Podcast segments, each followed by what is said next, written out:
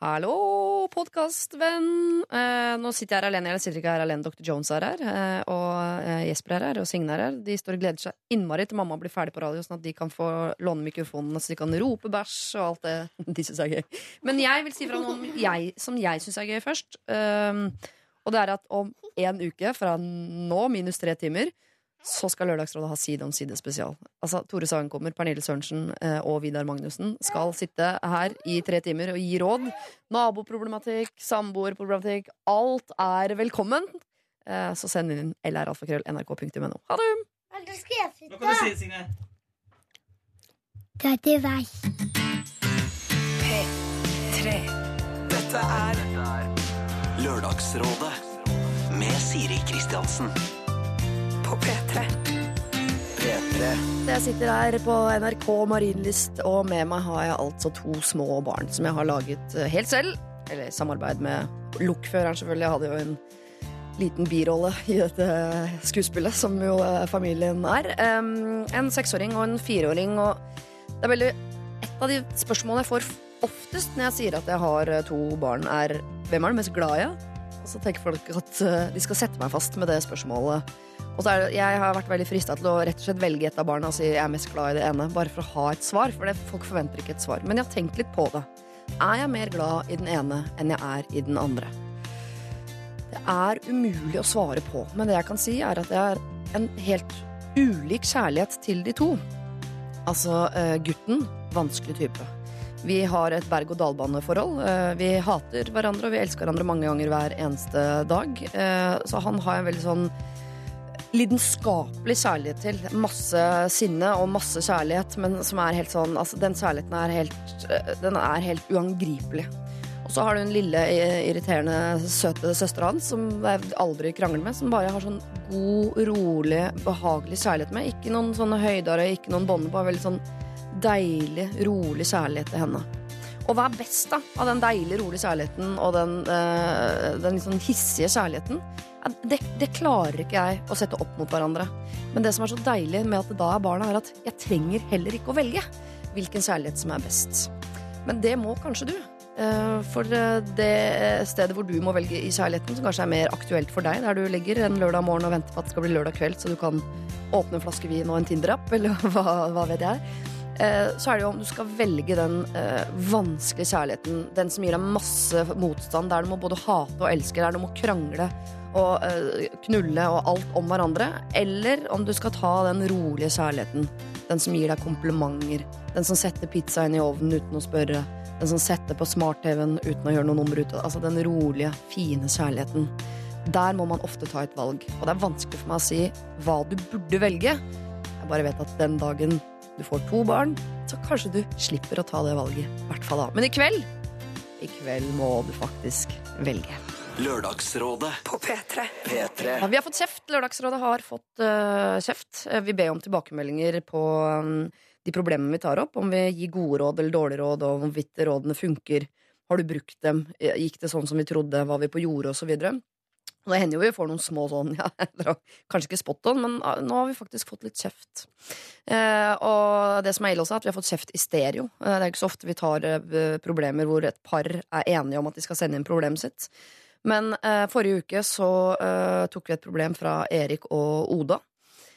Og mange elementer der, men i bunn og grunn så dreide det seg om eh, litt sånn moralsk uenighet rundt eh, økonomi. Fordi eh, Oda mente at eh, studenter som fikk penger hjemmefra, at det ikke var liksom helt bra. Du bare fikk penger, og, og når det var tomt fordi du hadde brukt opp på uh, pins og sjokolade, eller hva vet jeg, så ringte du hjem igjen og så ba du om mer. Og det ga liksom ingen konsekvens, man fikk ikke noe liksom forhold til hva penger betydde. Og, ja. så, uh, så hun syntes det var vanskelig uh, det der med å skulle gi penger til barn. Men så viser det seg at Erik han har fått 2000 kroner hver eneste måned av foreldrene sine lenge. Han har ikke sagt noen ting til Oda om dette her. For han vet jo hva Oda mener om folk som får penger av foreldrene sine. Eh, Men han har fått da penger i skjul, enda han ikke trenger dem engang. For Erik er en fornuftig type. Han eh, lever ikke over evne, og han er, har egentlig et fornuftig forhold til penger. Men han har holdt dette da skjult for Oda i flere år, at han får penger hjemmefra. Så de, eh, Oda lurte på eh, om hun hadde rett til å bli så sint som hun ble, for hun hadde virkelig altså klikka i vinkel. Eh, jeg hadde Taralina som rådgiver sammen med Ken Vasenius Nilsen og Håvard Lilleheie, og vi kan jo høre litt på noen av de rådene som kom. Lørdagsrådet På P3. Kanskje Oda rett og slett er en sånn, og det er mange av dem, veldig mange av dem, som ikke får penger av foreldrene sine, og rett og slett blir litt bitter fordi andre gjør det. Dette problemet her det blir et uh, mye mye større problem den dagen de får det barnet de snakker om å få. Fordi hun klarer ikke å legge helt bort det der harde prinsippet sitt med at hun ikke liker at folk får penger, og at han er en litt stussligere figur fordi han har fått det. Men så er det også uh, det at han ikke har sagt det. Jeg, jeg føler at denne graven har hun gravd sjøl? I og med at hun har vært fra starten så veldig uttalt imot at folk får penger av foreldra sine. Litt feigt av han å vente så lenge, selvfølgelig. Hvis du er så hard, da må du regne med at folk gruer seg. Og så må du si også regne med å bli skuffa hvis du har så harde prinsipper. Dette er Lørdagsrådet på P3. P3. Eh, vi har fått da en ny mail fra Erik og Oda. De har satt seg ned sammen igjen og formulert en mail, og her står det. Da jeg leste gjennom beskrivelsen av forrige lørdags podkast, måtte jeg skrike til samboeren min 'Vi er med! Vi er med!' Vi satt podkasten på anlegget og lyttet spent. Vi ble skuffet. Det var totalt bom! Vi syntes selv at problemet vårt var veldig godt beskrevet, men rådgiverne valgte å henge seg opp i enkelte ting og glemme resten. Og vi syns Siri, meg, gjerne kunne minnet mer på hva som faktisk sto i mailen. Eksempelvis leste du, Siri, denne setningen høyt uten at han fikk noe fokus i diskusjonen. Jeg syns det er utrolig flott at han får penger av foreldrene, han er økonomisk og lever ikke over eh, eh, det han klarer. Pengene fra foreldrene er bare et ekstra tilskudd for å bekymre seg litt mindre, kose seg litt mer og ikke arbeide for mye ved siden av studiene. Jeg syns ikke studenter som får penger av foreldrene sine, er forferdelig. Jeg kunne fått en million av foreldrene mine og tatt imot dersom jeg hadde fått det på deres initiativ, og ikke fordi jeg hadde vært student uten økonomisk sans. Taralina spør om jeg kanskje er bitter. Det er jeg ikke. Jeg får penger av mamma og pappa sporadisk, de betaler eksempel reisene mine hjem. Og jeg får ofte en ekstra tusenlapp når jeg eh, skal tilbake til studiestedet mitt. Det er studenter som maser og lever over evne jeg ikke liker. Mange kunne lett klart seg på egen økonomi, og likevel ringer de hjem og får 10 000 kroner i slengen for å kjøpe seg merkeklær osv. Men som Håvard sier, prinsippene mine er kanskje vel sterke. Diskusjonene Siri mener vi kommer til å ha når vi får barn, er bare komisk å høre på. Igjen, leste dere ikke mailen? Skjerpings Lørdagsrådet? Men vi har kommet oss videre. Nå kan vi heller være sinte på dere enn på hverandre. Og jeg er bitter på dere! Hilsen Erik og eh, Oda. Eh, og jeg eh, må jo bare si at eh, til syvende og sist så har vi jo hjulpet dere. Fordi nå har jo Lørdagsrådet blitt en eh, slags felles fiende mellom deg, Oda, og deg, Erik. Så nå Istedenfor å krangle med hverandre, så kan dere sitte og godte dere inn i et hjørne og le av oss og peke og ha det mokke oss så mye dere vil, og så kan dere i fellesskap liksom eh, hate lite grann. Og det er, eh, det er så godt av og til å bare kunne eh, outsource hatinga si ut av forholdet, og bruke det innover, sånn at det blir kjærlighet eh, internt. Hat eksternt. Så jeg sier bare vær så god, jeg. Klapp meg selv på skulderen og tenker at nok en gang gjort deg strålernes god jobb! Gratulerer.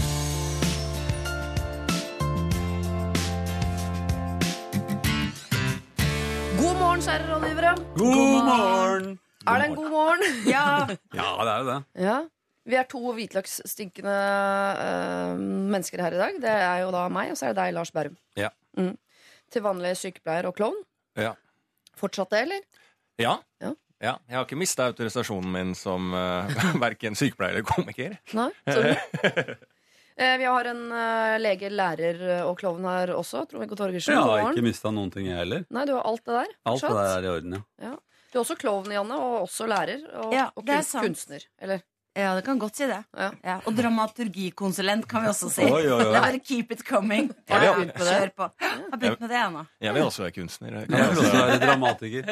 Kan ta tegnekurs etterpå, så er, det, er vi en stor gjeng. Ja. Alle kan være uh, alt dere vil. Det er det som er så deilig. Ja, Amerikansk. Det er sikkert noen titler som er be beskytta. Men... Doktor Janne. Doktor Janne. Doktor Janne. Ja, Ja, akkurat det det var godt i munnen. Ja. Jeg skal spørre dere om en ting, for jeg tenker at det er i tillegg til det der med å være eh, klovner og kunstner og i det hele tatt dramaturger og eh, what not, eh, så tror jeg dere har en ting til på, som er felles. og som er liksom ganske aktuelt også fordi du, Lars, nå har et TV-program som heter Aktiv på dagtid. Mm. Dagtid. Mhm. Eh, Basert på at du har alltid hatt mye sånn eh, lediggang på dagen. Ja. Det har vel du også, Janne, masse erfaring med. Og Trond-Viggo også masse erfaring med å ha masse fri på dagtid. Hva gjør dere, liksom? Hva bruker dere den tiden til? Det ser ut som vi ikke jobber. Det er det som er så Men dere jobber på kveld. Jeg har ikke sagt noe om hva dere driver med på kvelden. det er det som er for de andre. Ja. For veldig mange andre så ser det ut Så nå føler jeg at jeg er på jobb på vanlig tid, selv om det er en lørdag, og da er det jo ikke noe riktig likevel. Nei? Nei, og så når jeg tar opp ting i radio, så gjør jeg det stort sett om kvelden, fordi det skal være publikum og sånt nå. Når, eh, altså 20 spørsmål. Og så underviser jeg noen ganger, eller noen, noen kurs på Universitetet i Bergen. Og da føler jeg at jeg er på jobb også, fordi det er på dagtid. Ja. Og folk sier 'god middag' og sånt nå og går hjem. Ja. Og det er helt omvendt. Jeg står ikke opp før de ja, Jo, det gjør jeg. Dagene mine går stort sett med på eh, Hvis jeg har fri, eller eh, skal jobbe om kvelden, da, så bruker jeg stort sett hele dagen på å prøve å ringe rundt for å prøve å finne noen andre som kan ta en kaffe. Ja. Eh, og da, det, det klarer jeg ofte eh, sånn at jeg får, finner noen til lunsj. Og så etter det så pleier jeg å gå og se ut som jeg tenker veldig hardt på noe. Og så går jeg hjem. Så går du hjem. Ja. Men du ser hvordan jeg ser? Myser eh, selv om det er overskya, på en måte. Ja. Jeg skjønner. Ja. Ja. Og du da, Lars? Eh, jeg, jeg pleier å prøve å komme meg opp ni. Mm. Eh, og gjerne ha, eh, gå i butikken, selv om jeg har alt, men bare for å komme i gang. For da må jeg på en måte pusse tenna, ta en dusj og liksom Nå går jeg ut, Mm. kjøpe en tyggispakke. Ja. Eller Mm. et eller annet som jeg Det har du råd til. ja, liksom. ja. Og så går jeg tilbake, og så kan jeg starte med å på en måte gjøre ting. Men jeg, eh, man får alltid For hvis jeg sover selv når jeg jobba som sykepleier og var, eh, eh, kom hjem sent etter en kveldsvakt, og sov da til ti-halv elleve dagen etterpå for jeg skulle på ny kveldsvakt Hvis eh, en kompis vekka meg da i halv ti-tida og så sa 'sover du nå', det er mandag, eh, så fikk jeg alltid dårlig samvittighet, selv om jeg egentlig har, er jo på jobb, jeg òg, bare på, et annet, eh, eh, på en annen tid. Så jeg fikk alltid man får alltid litt dårlig samvittighet når man har fri på dagtid. For det, samfunnet er ikke lagt opp til at det er lov. Jeg prøver å unne lokføreren noen timer søvn når han kommer hjem og har kjørt tog hele natta. For Ja. å sørge for at uh, vi kommer oss frem dit vi skal, vi andre mennesker. Men jeg blir veldig glad de gangene han sier sånn Jeg trenger, jeg trenger ikke å sove i dag, jeg. For jeg sov Så han på bare jobben. Ja, eh, ja nei, bare For nå skjønner jeg at NSB ikke er mitt første valg. Nei takk, det går bra. Jeg er helt, helt uthvilt. Det er etter åtte timer foran i toget. Men det er veldig bra, for jeg mener jo at eh, Jeg kjemper jo litt for det dagtid, eh, selvfølgelig. Og jeg mener jo at der i blokk så er det alltid sånn at man er stille 11 på kvelden. Hvorfor er det ikke 11 i alle- i begge, på begge sider? At det skal være stille fram til 11 på dagtid også. Ja. Eh, For de som kommer hjem, ja, som kommer hjem fra kveldsvakt, nattevakter. Det er jo ikke lagt opp til det. Man trenger jo nattevakter rundt omkring. Eh, Men fra seks om morgenen, da skal det være lov med alt lyd. Eh, Det er så rart, du, du skiftet jo dialekt med en gang du sosiolekt, Ja. Mine. For eh, fra 11 om morgenen, da, oh, ja. da ble du helt sånn at uh, du oh, ja. fikk fordommer med en gang i stemmen. Ja, gjorde jeg det? Ja, ja. Ja, det var arbeiderklassen det, som du kritiserte der. Ja, og jeg er et produkt fra arbeiderklassen. Vi er alle et produkt eh, fra det, ja. Men har du prøvd å dra på tenk, Nå skal vi på Ikea. Jeg hater at det er masse mennesker alle steder som står i kø og sånt noe, sånn at jeg drar dit onsdag. Tenker 11, da er det ingen der. Onsdag 11, da er det ingen Onsdag der. klokka 11. Helt Ikea. Ja. På Ikea onsdag klokken 11. Du står i kø for å lage nytt kjøkken, liksom. Nei, det er så rart. Altså, folk er er jo ikke sånn som de var før. Men hvis du går ut i samfunnet, så ser det ikke ut som noen har jobb, egentlig. For det er fullt på kafeer, det er fullt overalt. Hver eneste dag. Midt i uka, I midt på dagen. I skobutikker. Ja, og skogen, da. Ja. Ja, ja. I skogen og er fullt overalt. Tråka fullt. Er det ikke bra, da? Da begynner det å ligne noen ting. Da. Og folk ser jo ikke ut som de gjorde heller. De jobber på skift. Ja, de har jobber på skift. rare klær og alt. Midt på dagen og midt på natten. Tenker det er mye vi kan takke medisinene for deg. Ja. At folk eh, kan stå opp og legge seg litt sånn styre døgnrytmen litt mer sjøl. Mm. Ja. En liten shout-out til eh, legemiddelindustrien og Nav, tenker jeg vi bare tar. Og sånn. arbeidslivet ellers, takk. Dere, vi må ta en runde på eh, sivil status, og i dag vil jeg legge til på sivil status-spørsmålet eh, et spørsmål som vi nesten har vært innom, egentlig, men eh, hobby.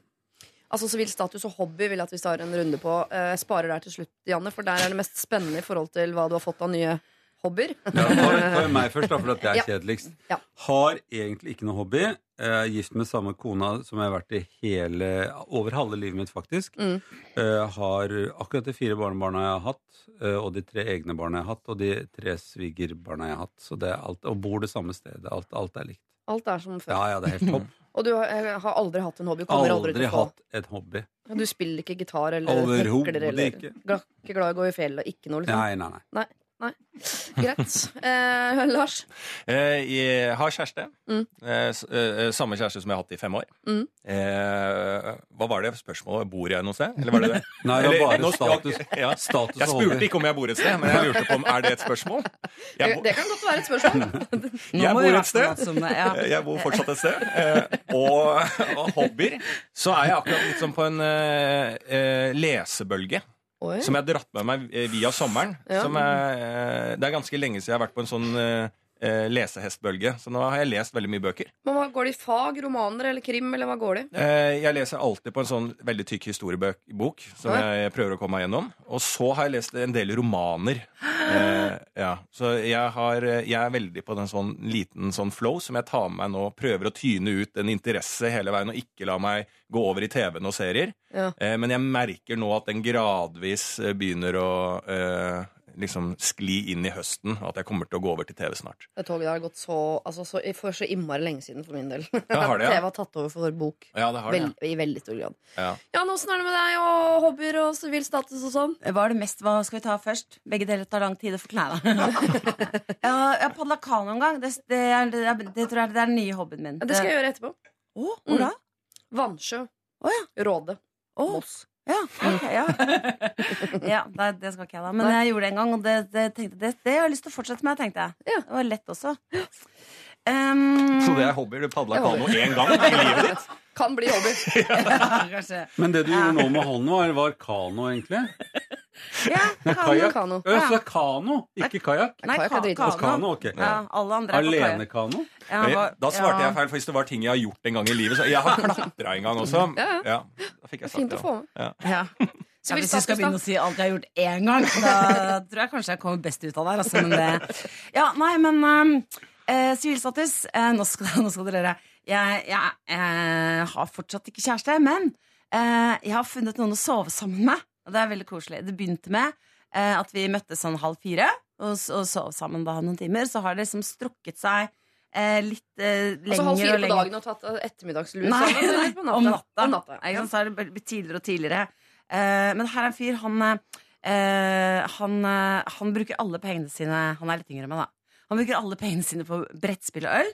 Eh, og så har han bare en madrass på gulvet, og den har han hatt så lenge at den, når man legger seg oppi der, så bare ramler begge to ned en sånn sprekk. Så det er veldig veldig trygt og godt. Eh, og vi sover så godt sammen og våkner om morgenen og sier sånn Dette var den beste søvnen ever. Liksom. Og det blir lengre og lengre og bedre og bedre søvn. da eh, Og så eh, eh, Ja, og, og så har vi prøvd å møtes tidligere og tidligere, for det er veldig slitsomt. Man kan jo ikke møtes halv fire midt i uka. Da må jeg jo legge meg og så stå opp og gå og legge meg igjen.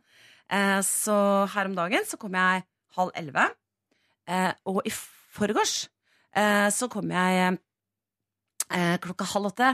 Men da hadde jeg med en bok som jeg leste, og så satt han på kjøkkenet og spilte brettspill med seg selv og en sånn brettspillapp.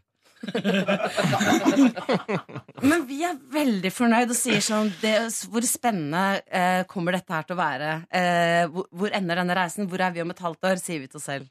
Mm. Ja. Ja. Har dere prøvd å si det til hverandre? Det Eh, kan være en grei dialog å begynne på en annen dag.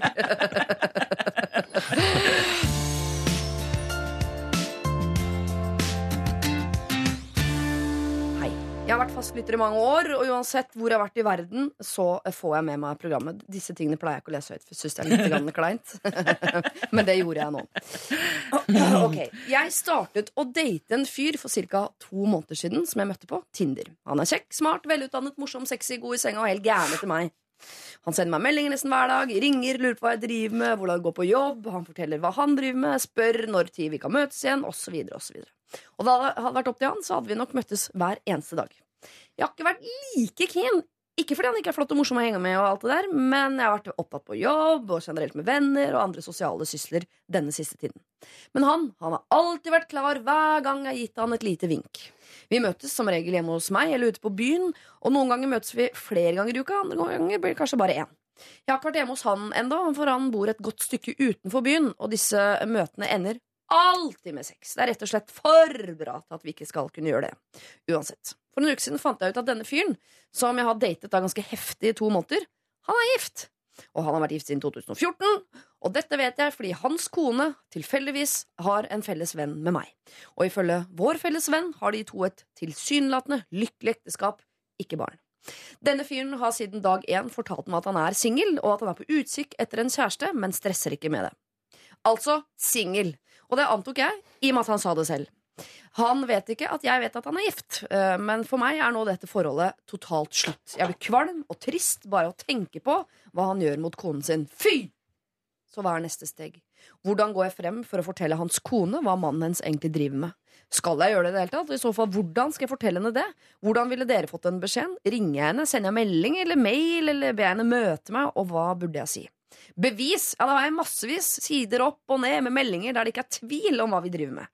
Jeg kan ikke vente særlig lenger med å si noe, for kona fortjener å vite hva mannen hennes gjør når han ikke er hjemme. Og jeg klarer ikke å sitte med dette tyngende på sjelslivet mitt lenger. Så alle råd mottas med takk. PS, min venninne har ikke hatt noe særlig med, eh, med denne kona å gjøre de siste seks-sju åra, så de er ikke nære venner, om det har noe å si. Hilsen Screwed Sarah. Unintended. Ja. Hun lurer ikke på hva hun skal gjøre med denne mannen, eh, for det er eh, totalt slutt, ifølge henne. Nå Mm. lurer hun på hva hun skal gjøre med denne kona. Jeg kan ikke skjønne eh, hvor hun kommer inn i bildet. Hun har ikke vært inne i bildet. Hvorfor skulle hun si noe til kona? Skal Hun må ta hevn på mannen, er det det hun på dette som har vært kjæresten sin? Eller ligge-kjæresten? Hun føler vel på det der Hvis min mann hadde ligget rundt, så ville jeg gjerne ha visst det. Og i og med at han ikke sier det, så da skal jeg gjøre henne den uh, tjenesten det er å, opplyse henne om uh, hva hun er gift med. Mm, jo, hvorfor det?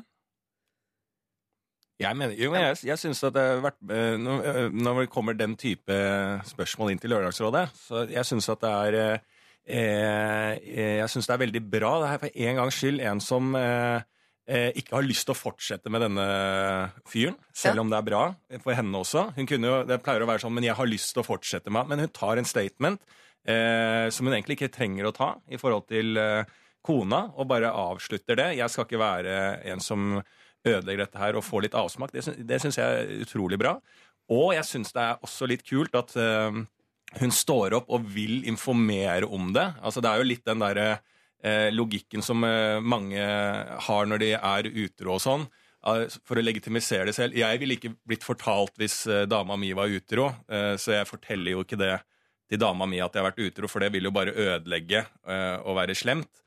Eh, Så man er konfliktsky, men later som man er grei. ja, la, ja, for å liksom legitimisere at du eh, gjør det, og det er egentlig en godhet at du ikke informerer om det. Eh, så er det jo, Jeg er helt enig med Trond-Viggo at det er jo ikke noe vits for henne. Hun har ikke noe Det er jo ikke noe hun må gjøre. Og det vil jo bare ødelegge.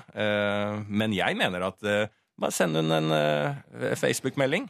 Hei, mannen din driver med en del ting eh, som ikke du vet om, tror jeg, så det bør du snakke med han om. Eh, så jeg syns at det er bra, jeg. Gjør det. Eventuelt, eh, Jeg er ikke en av dem som syns at man skal informere om utroskap fordi man ikke skal blande seg inn i andre saker. Men fra, fra søster til søster, Mm. lei en privatdetektiv. Det var voldsomt. Hva er det, du skal finne Veit du alt? Hva er det du skal finne ut av i tillegg nå? Mm, ja, nei, det var godt. Det var, det var bra sagt. Det var veldig. Da leier du egentlig bare en fyr som skal ta bilde av deg sjæl. Ja, da tar jeg bare et annet standpunkt i stedet. Nei, men eh, det som jeg har er telefonnummeret hennes. Jeg var så innmari lyst på DNA-koden. Men er poenget at Er det noe viktig da at hun får vite at han har gjort det? Eller er det Eller er det viktigste at han slutter med det? Kan hun true han? Altså kan hun sende en torpedo eller bare en veldig en skummel Noen hun kjenner som ser skummel ut, og si at det ville ikke vært med ruter hvis jeg var deg? Og så liksom stoppa det, da. This ends here. men det er jo, eh, jeg er helt enig med, med, med Lars. at Det er, det er flott at hun reagerer. For det må man jo gjøre. Men at hun reagerer litt sånn moralsk. Eh, Men samtidig syns jeg at hun har jo bare et forhold til denne mannen. Så denne mannen bør få ryddet opp i, da, hvis hun skal rydde opp i noen ting. Eh, Og si at hvorfor i all verden gjør du dette her? For å få litt mer innsikt. Og si at nå plutselig har du gjort noe med meg fordi at jeg nå vet at du er gift. Eh, og hvorfor har du sagt du er singel når du ikke er det? Så hvorfor er du en sånn juksepave? Altså, da kan du, kanskje er det sånn at ja, men jeg har jo gifta meg med dette feil mennesket for meg. Og du er så fin for meg, og jeg har lyst til å etablere noen ting. Og etter hvert har jeg Altså, det er jo det er han som har et eller annet rot i hodet, da, ifølge henne. Han har noe rot i skuffer og skap og hoder og, og eh, truser og alt. Ja, Der er, her er det rot. Men, for det det er noen bare- som liker å ha sånt rot også. Man må ikke, man må ikke se på livet som at det fins én standard. Det er jo det er noen som syns det er helt greit å ha en på si. Det gjorde man jo Du som leser romaner. Det har man gjort i fryktelig mange hundre år. Det er deilig. Det er ikke han- ofte jeg har fått det fra jeg, Kan du si det en gang til? Du som leser romaner. Nå er jeg han. Men hvis han syntes dette var helt greit, at han var en sånn type som drev med det og ville ha rot i livet sitt, sånn, så hadde han jo stått for det. da Men da hadde han jo ikke presentert seg som singel eh, på jakt etter et forhold. Det ville han sagt sånn han Jeg er en gift type, ja, som ligger litt rundt. Altså, Det, ja, si det. ja, det er jeg helt enig i, men da ville han vært en skikkelig tøff kar. Men det jeg kan si, er at ja, men du har jo aldri spurt meg om jeg er gift. Du har jo sagt at han er singel. Ja, men det er én ting, men du har aldri spurt meg om jeg er gift. Så man kan liksom alltid ja, man får sjekke hva slags type ja, han egentlig er. Ja, Dobbeltsjekke litt der, sånn Ja. som man gjør på sånne psykiatriske tester. At man stiller det samme spørsmålet Ja, på forskjellige sider. måter. Ja, ja, ja, ja. ja. Men hvorfor skal man legge opp til eh, eh, Jeg er jo helt enig. Man gjør hva man vil, og det er jo ikke noe eh, Det er jo ikke eh, straffbart å være utro. Eh, som man kan gjøre. Men hvorfor skal hun hjelpe til med det? Han kjører den gamet sitt. Og kanskje ikke det er første han gjør det med. Eh, så hvorfor skal man liksom hele, hvorfor, hvorfor skal man ha sympati for han? Hvorfor skal man ha puter under han? Kan man ikke bare sånn Ja, OK, så ble han ja. eh, ferska nå. Da kommer en melding til kona di. Det her er jo game han bevisst har spilt, eh, og det er eh, noe av på en måte i anførselstegn straffen som han kan få. da. Eh, og da vil det være så tungt for han, og hvis det er så veldig tungt for han, da, hvorfor driver han på sånn som det er? Eh, Ja, for det resonnementet Hun liker spør, jeg. veld, hun spør veldig konkret her hva er neste steg. Og det, hun, vi skal, hun skal få noen helt konkrete råd på hva neste steg skal være. Men jeg vil at Ja. vi skal tenke litt grann på først. Mens vi hører på musikk, så vil jeg at alle skal tenke inn i hodene sine på jeg hva er, eh, hva er motivet hennes. Er hun ute etter å hjelpe sin siste, Mhm. eller er hun ute etter å hevne hø miste? Det er altså en uh, ja, vi, må være, vi må tenke litt på hva vi tror er motivet hennes her. Om hun prøver å være grei, eller om hun prøver å, uh, å fucke opp lite grann. Lørdagsrådet med Siri Kristiansen. På P3. P3. Kent Jones, det der eh, Don't Mind har vi eh, hørt. Så vi er midt i et problem som er ganske prekært. Eh, jeg vet at denne Screwed Sarah, som hun kaller seg, hun står overfor et valg i livet sitt nå som vi er med å avgjøre. Og hvis vi sier til Sara at hun skal fortelle eh, kona til fyren hun har drevet og ligget med i to måneder nå, at han er utro, så har hun tenkt å gjøre det i morgen. Eh, hun spør hva er neste steg. Og jeg synes det er, Hadde vært innpå det, men så er det rart at ikke det i større grad eh, har vært snakk om hvorvidt hun skal outsource dette med å gi beskjed til kona til mannen. altså, men det er kanskje det du har prøvd å hinte om, tror jeg, Igor. Ja, jeg hintet det ganske Sara, kraftig. denne kona, har jo med hverandre å gjøre. Ja. Men eh, samtidig så har jeg tenkt litt rann mens vi har snakket her, eh, alt jeg på å og ikke har snakket om dette, fordi at vi skulle tenke for oss selv. Em, det at, eh, at han gjør som han vil, eh, burde jo inspirere henne da, i hvert fall til å gjøre som hun vil. Og det hun har gjort nå, er jo å være sammen med han. Og det som skjer med henne nå, er at hun, hun får en type emosjonell eh, reaksjon på det. Søren, jeg er blitt lurt. Mm. Og det får hun lyst til å hevne. Eh, for å få en slags balanse hos seg selv. Og hvis det innebærer at hun sier det til kona hans, uansett hvordan hun sier det, så er jo det in his face. Han får gjøre det siden hun er ferdig med han.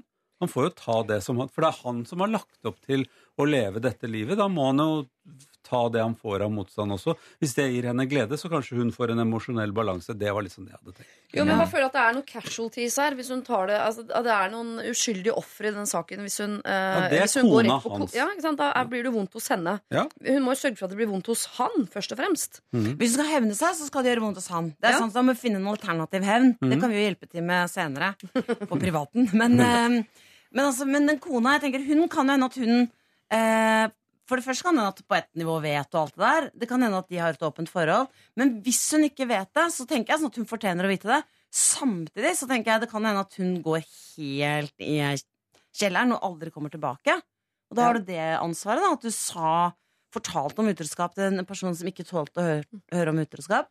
Plassert kan, en fremmed dame i heisen og trykka på U, og så Ja. der har det blitt. Ja, nei, det. Men jeg føler ikke at det er hevn hun er ute etter. Det er jo litt sånn Det er jo ikke det det er ikke det hun er ute etter. Hun er ute, hun blir litt forbanna og Mm. syns synd på hun kona som sitter hjemme og ikke veit at mannen eh, kjører løpet rundt. Ja, ja. Men vi Eh, veit jo at hun helt- sitter hjemme, da. Det er ikke sikkert hun sitter Nei, hjemme. Nei.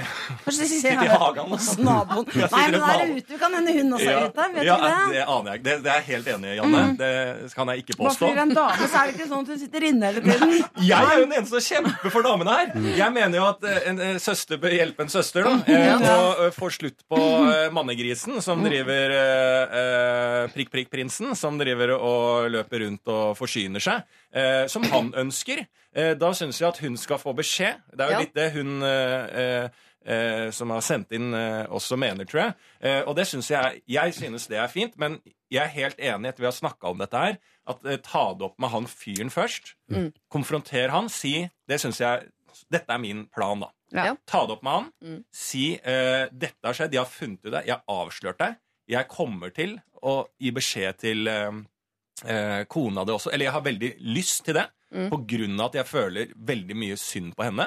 Eh, er det sånn her du driver på hele tida? Og så får man en samtale der. Hun kan se hvordan den ender.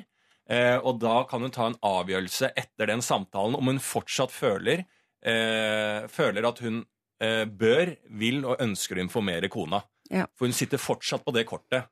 Mm. Eh, så eh, Dette var, dette var veldig bra, Lars. Det får du en femmer for hos meg. Syns det var altså. skikkelig dårlig. Jeg, jeg, eh, jeg mener at det eneste fornuftige her er å ta på hatt og løse-nese. Eh, luske litt rundt i buskene, finne ut om kona eh, fremstår som eh, stabil, altså psykisk. Eh, ringe litt rundt. Eh, sjekke har, har hun et fint sosialt nettverk. Kommer hun til å tåle det? Og så ta en avgjørelse kanskje et halvt år fram i tid. I mellomtiden syns jeg hun bør fortsette å ha forhold til han mannen, sånn at han holder seg ett sted, og ikke på toppen av det hele smitter Janne, du kona lager si det med bare verre. Og alle de forslagene du har, eh, eh, eh, innebærer at du må ha fri et år. Fordi at du må sette av et år og henge i? At ting er komplisert, Men- gjør det ikke mindre sant. Det, Janne, ja. som dramatiker er du helt fantastisk. det der. Altså, du burde skrive et stykke som handler om det, eller en bok. Jeg Dette har er alltid lurt på hva jeg alltid å skrive, men om hva? Blir det krim, eller blir det roman? Jo- men jeg er helt enig. at Jeg syns jo, med ham. jeg synes jo Sara uh, har en veldig god sånn moralsk klokke her, som, som forteller henne at hun er nødt til å gjøre kona oppmerksom på hva mannen driver med. Og hvis det er sånn at de har et åpent forhold, og hun syns at det er greit, ja vel, så gjør det jo ikke noe at hun får beskjeden. Altså, men hvis hun ikke syns det er greit, så burde hun få vite det. Men jeg syns ikke at kona skal få vite det av at det ringer en eller annen Sara på telefonen og sier sånn Hei, jeg driver og ligger med mannen din. Jeg, jeg vil at uh, hun skal presse denne uh, mannen til å si det. Jeg ville vært eh, ikke noe sånn samtale og grei ut om og sånn. Jeg har gjort, dette har jeg gjort selv en gang. Si du har 24 timer på deg til å fortelle hva du driver med, ellers så ringer jeg, så gjør jeg det. Og da må hun få det bevis på en måte at hvis ikke du innen 24 timer har fortalt kona di at du driver og ligger rundt med meg, blant annet, hvem flere, jeg vet ikke. Eller etter 24 timer så ringer jeg kona di og forteller det jeg. Da kan det hende at beviset kommer i form av et lite fotografi fra legevakta, da. Det er jo, Man vet ikke hvordan det går. Ja, man vet hvordan det går. Men jeg jeg syns du skulle skrive om dette i boka di, for dette blir veldig fin Men jeg ville jo, hvis jeg hadde fått en telefon eh, eh, der eh, jeg eh, Du, eh, kjæresten din bør du ta en liten prat med, eh, fordi jeg vet med sikre bevis at eh, hun ikke bare ligger med deg. Hvis jeg hadde Ja. fått den telefonen, Klikk. eh, eh, og da hadde jeg blitt provosert Hva er det du sier? Har du ligget? Og så bla, bla, bla. Så hadde man reagert og blitt kjempelei seg og alt sånn. Men si da fem år frem i tid, da. Så hadde jeg vært overlykkelig på at jeg ikke fortsatt driver eh, på en måte At den eh, løgnen jeg trodde ikke var løgn, er avslørt, da. For min egen del. Ja, ja. Eh, så er jo det bare bra, for man blir jo på en måte litt sånn lurt, da, fra den Men andre det, sida. dette er sånn rakneting. Jeg tenker den som får den telefonen Mm. enn du er veldig glad i ligger på sykehuset. Det er akkurat samme. Du får altså kjempehøy puls, får, det ble en krise. Absolutt. Så jeg syns den der andre strategien din med å ta for seg mannen som virkelig fortjener dette her, er det sånn du har tenkt å leve? Dette syns jeg er så lompen mot meg Mm. og mot det som er kona di. Dette får du 24 timer på å forklare din kone, Ja. eh, eller så er det jeg som forklarer henne det. Det syns jeg er en eh, veldig fair, veldig, veldig sånn ryddig måte å gjøre det på. Det er jeg helt enig, men så samtidig så synes jeg er så irriterende at eh, hun her, da Mm. eh, Det er han som er idioten her, da. Mm. At hun skal sette av så mye tid Jeg skjønner hva jeg mener? Ja, jeg hun skal liksom inn og jobbe med han fordi at dette er riktig for han. Da har han en avgjørelse. Så skal hun følge opp. Har du gitt beskjed? Isteden, altså, det irriterer meg at Ja, men det han får det så er jo mye hensyn til, uh, det er hensyn sånn- til kona at hun Siri, gjør dette. For det er bedre for Siri, hvis du sier sånn som dette her uh, Nå skal jeg si det til deg. Mm. Dette her kommer jeg til å si til kona di om fem, 24 timer. Så du har 24 timer å klare å rydde opp i dette sjøl før jeg ringer henne, for det kommer jeg til å gjøre. En ting jeg Og ikke si skjønner ifra hvis du tar den samtalen. Si ifra til venner at du kommer til å si dette til han. sånn at folk vet situasjonen, sånn at du ikke bare er aleine sammen med han og forteller det her. Sånn at ikke hun plutselig bare forsvinner. Ja. Jo, det blir spennende å høre hva hun gjør, da. ja, men jeg, du trenger ikke å mø altså, Her er SMS og Ja. mess, Her er alt lov. Ja. Du ikke, det er ikke noe sånn face to face-greier. Det er vi ferdig Nei. med her.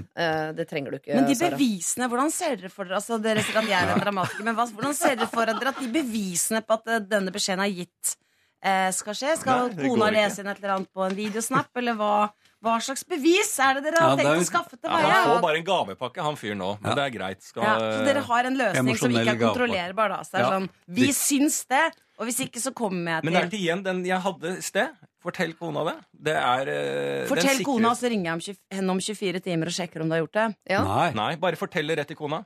Det er den eh, rikt, eh, riktigste måten hvis man skal bare gjøre det rett frem. For du får jo ikke noe bevis. Han, han kommer til å trikse det til. Men, kommer, men for hennes egen del, for å få ryddet opp i dette, så bør hun snakke med han, tenker jeg. Ja. Og for å gjøre den der søster i søster, så bør hun si om 24 timer forteller jeg det til kona di, for dette er så sykt. Eller dette er så lompent. Sara, vi er i hvert fall helt enige her om at eh, kona til han fyren du eh, har ligget med nå i to måneder, eh, hun må få beskjed på en eller annen måte om hva mannen hennes driver med, og hun må få den snart. Om hun får den direkte fra deg, eller om hun får den via mannen, hvis du finner en måte å bevise det på, er ikke så farlig. Eh, Det aller, aller viktigste, og det eneste vi er helt enige om alle sammen, er at hun er nødt til å få vite dette her, hvis hun ikke allerede vet det.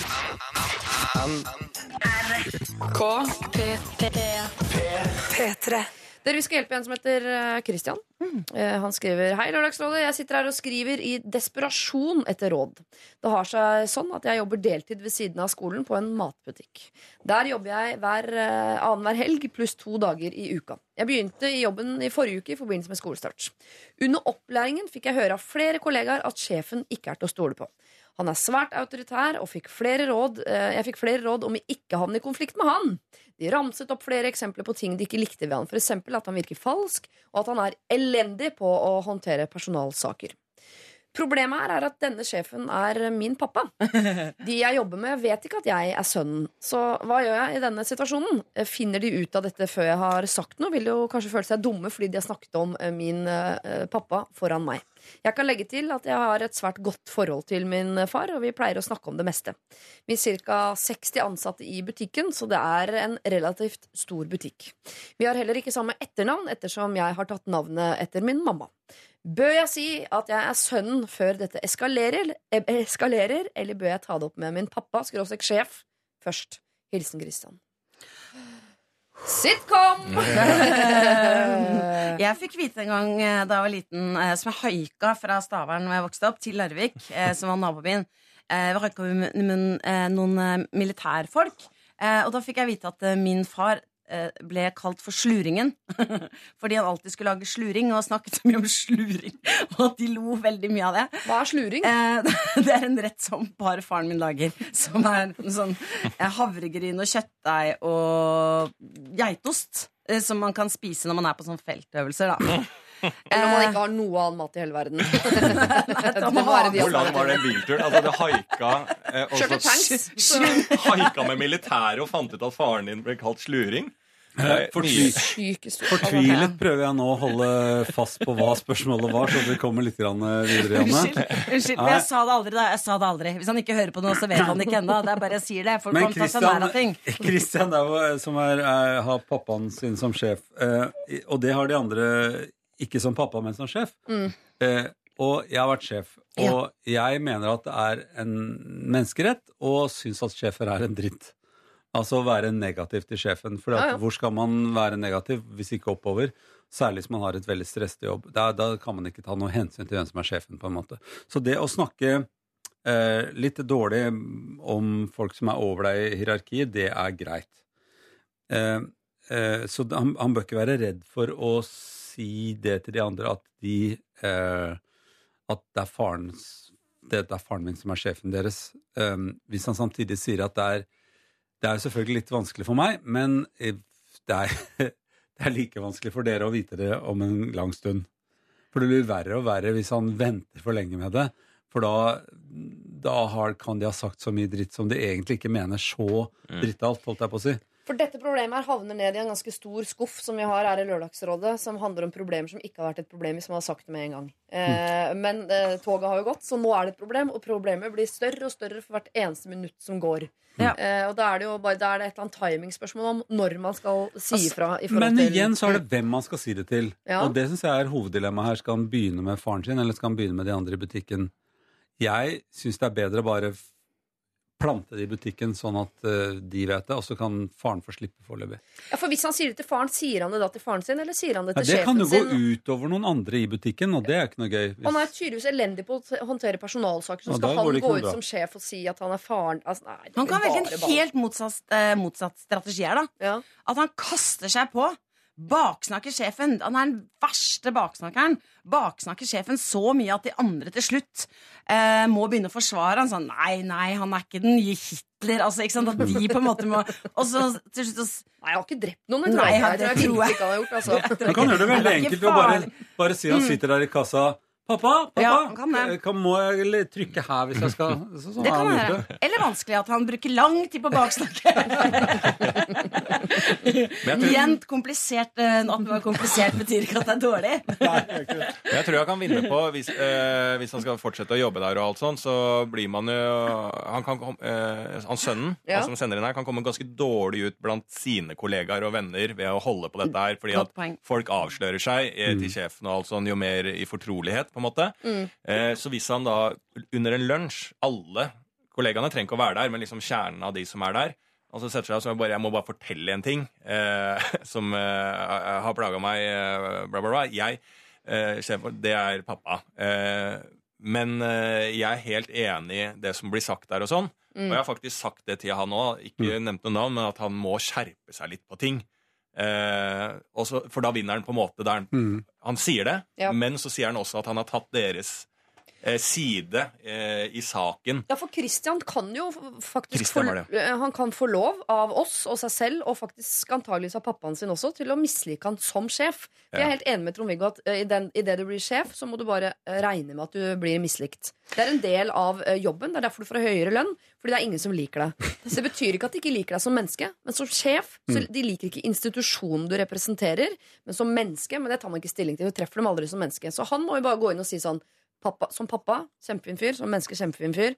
Men som sjef, enig, ass. Ræva type. På Mm. Han må få lov til å være med på baksnakkinga. Og det har jeg sagt ifra til Ja. eh, eh, eh, som sønn. Og eh, bare sagt at eh, du må skjerpe deg på det, så får vi se. Men eh, til den tid så er jeg helt med på baksnakkinga. For en dritt. Og så kan han komme med en historie på bordet som de kan se. Og ha klar en litt sånn sladrehistorie om pappaen. Ja. Som liksom får en god latter og Og vet hva han gjør med mamma, og hjemme en gang, så hadde Ja. videre. ja. Ja, for Og Christian da kan er være brobygger. igjen. Da er det for mye. Ja. Ja. Christian kan være han som får de 60 ansatte i butikken til å se sjefen sin som menneske. Ja. Og det, da, er magisk. Eller at han kan eh, få sjansen til å, å, frem, å liksom være den psykopaten man på en måte alltid har litt lyst til å være. Her har han en sjanse. At han kan si sånn ehm, 'Jeg hører du ikke liker pappa så godt'.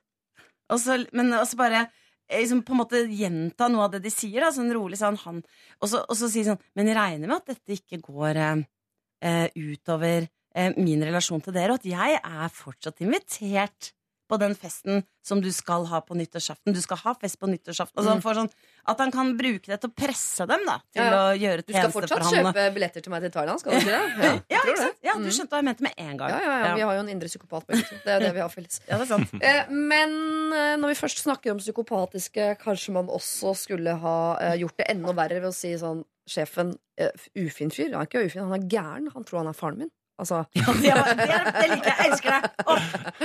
så jeg kommer han bort og sier 'sønnen min, kommer du på middag?' Da kommer han til å si noe. Han er Jeg mener dere helt bør skrive bøker, sånne romaner, som er så dramatiske som dette. Jeg er mer glad i krim, ass. Er Mer glad i krim, ja.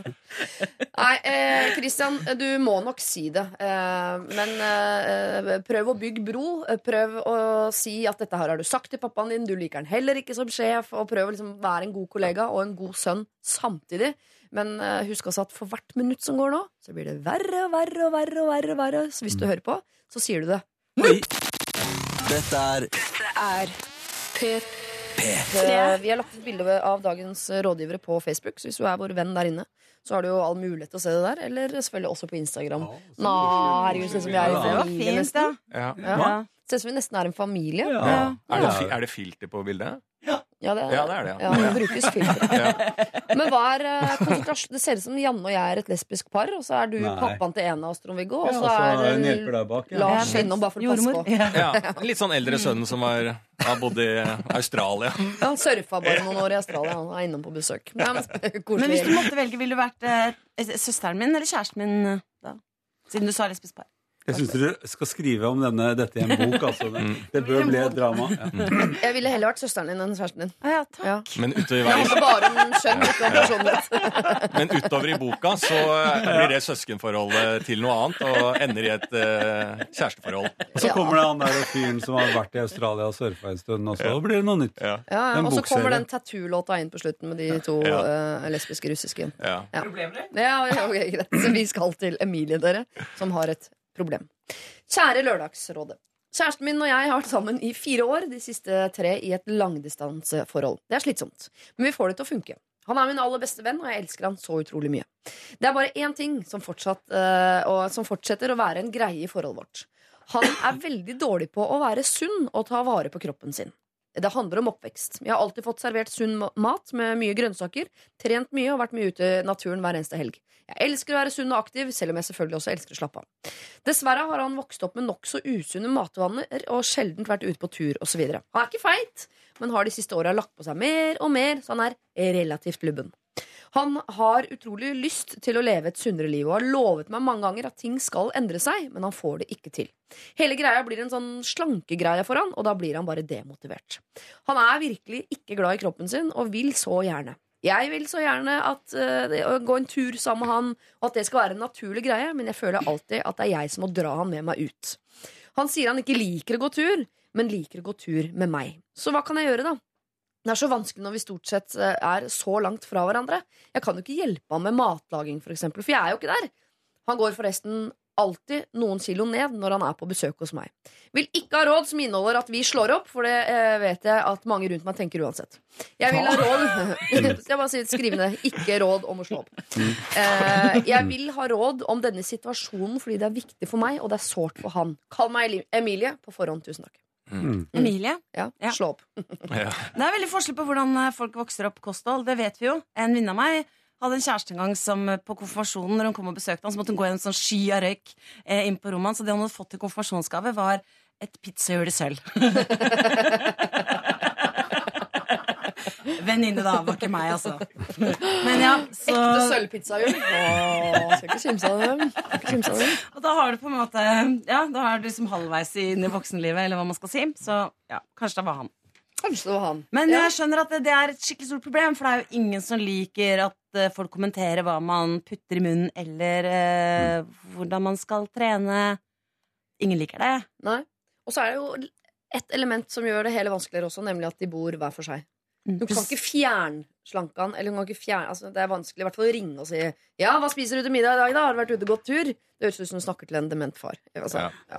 Men det, det som er positivt her, da, er jo at han selv eh, nevner dette her. At det, det er ikke noe sånn at hun skal informere om at eh, du, nå er du blitt litt lubben, og eh, det slipper hun. ja, Begge er klar over problemet. Det er deilig. Er Så da ville jo jeg eh, Nå er det ganske mye bra apper. Eh, jeg er ikke sponsa av noe, så jeg, jeg, vet ikke navn på de. Eh, Hva skulle du vært sponsa av fordi du sa det der? Ja, men- App, Norge? eller? Nei, men Hvis jeg kom da med en konkret sånn uh, treningsapp Ikke sant, ja, Så da vil jeg bare si Ja før folk uh, Ja, Å, ja, er det noe sponseprogram?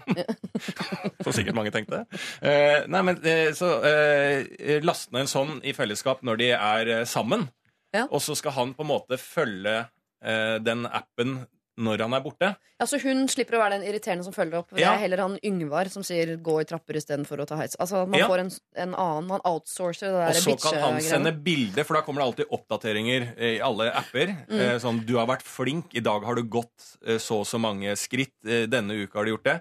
Så er det liksom greia dems når de sender melding eller skyper eller hva. Da kan han vise bilde av uh, hvor flink han har vært. Uh, Eller gjøre det om til en konkurranse også. Kan gjøre Om å gjøre gå lengst denne uka, eller spise flest laks, eller Men kort oppsummert så blir det her altså Jeg vil ikke mase på deg, men vi kan laste ned en app. Ja. Ja, Nei, men, eh, fordi at, ja, men det er jo ikke sånn masing. Fordi at det er jo han Fordi at det kan hun bruke da at Nå er hun lei at han er misfornøyd med sin egen kropp. Det går Å, ut på sånn ja. selvtillit og eh, eh, bare det å være glad i livet. Og det blir man jo drittlei hvis partneren liksom klager åh, ja, ja, det og det og det. I hvert fall når det er sånne konkrete ting man kan gjøre noe med. Så her er det en app. Nå kan du gjøre noe med det. Følg den, så kan du sende bilde, så gjør jeg det samme. Så, kan vi, så har vi, om ikke en konkurranse Det hadde jeg blitt demotivert av. Sånn der, eh, du er ikke typisk mann, du da, Lars. De fleste menn tenker at med en gang det er konkurranse Det er jo bare å si til menn Ja. Kan du gjøre dette? Nei. Hvis jeg tar tida på deg, ja. Jeg er vel typisk mann. Jeg har vel det som skal til. Men du er ikke erketypisk mannemann, liksom. Nei. Er litt for høy. du har masse feministiske verdier. Ja. Eh, men du, eh, du er jo ikke allmennlege, du er bare allmennsykepleier. Hva sier legen eh, her? Nei, altså Dette er jo noen av de vanskeligste oppgavene som lege også. Å få folk til å gjøre noe annet enn det de gjør. Fordi at eh, det er jo sånn vi er. At vi er noen vanedyr som har lagt oss til et eller annet, og det har vi stort sett lært hjemme. Så det å bli voksen handler veldig mye om å bestemme sjæl at det er dette jeg vil Å, mene Ja. Jeg la opp til det sjøl, jeg, merker det. Men det handler jo om å si til seg er det, er det sånn jeg vil ha det? Og nå har han sagt at han er ikke så veldig glad i kroppen sin, og det er et dårlig utgangspunkt for et voksenliv. Så, for da jobber han mot seg sjøl. Men hvis han da eh, har lyst til å forandre på hvordan mye han veier, eller hvordan han føler seg i form, så er det å legge lista så lavt at man bare kan subbe over. At man ikke tar sånn Nå skal jeg virkelig gå ned 60 kilo og få store muskler, men si til seg selv nei, jeg skal ikke sitte så mye, jeg skal gå litt, grann, jeg skal ikke spise godteri, eller jeg skal ikke spise chips, eller altså man må gjøre et eller annet sånn man liksom kjenner at man kommer et skritt videre, Mm. og det er jo et, det er et veldig vanskelig jobb å gjøre for den som er den andre i forholdet, du er nødt til å gjøre det sjøl. App-varianten var en sånn ting, ja, det har ikke jeg tenkt på, men det er jo selvfølgelig en veldig sånn selvmotiverende ting at man blir minnet på det. For det er jo det, jeg har en sånn app holdt på å si, på min, for jeg sitter mye og skriver, og den sier 'nå er klokka', og så sier den at det er gått en halvtime, og da reiser jeg meg fra stolen fordi at jeg, jeg må røre på meg Ja, jeg må røre på meg av og til når jeg sitter og skriver. Mm. Eh, og kan ofte sette meg ned på gulvet, eller altså jeg gjør et eller annet så jeg ikke stivner opp i, i en sånn skrivestilling. Um, så det er ikke noe å være flau fordi at man har si, et prosjekt ved siden av det å gjøre det man skal gjøre. Men hvis du synker ned i en sofa, eller Altså, det er ikke bra for deg, og det, du får ikke den motivasjonen til å ha det fint, for det, det utløses ikke endorfiner i kroppen din. Altså, du, du må jo selvstimulere kroppen din til å ha lyst til å ha det gøy. Og så tenker jeg også, som hun skriver, at hver gang eh, han er sammen med henne, så går han ned noen kilo. Jeg tenker, Den eh, rusen man får av å gå ned noen kilo, den, den vil jeg fluffe. Men det høres ut Da ville jeg gått inn Da må du bare være sammen en stund hvis han går ned noen kilo, ellers så er det sykt. Han må jo være sammen et par uker, da. Sikkert i jula, ikke sant? Ja, Sånn, ja. ja.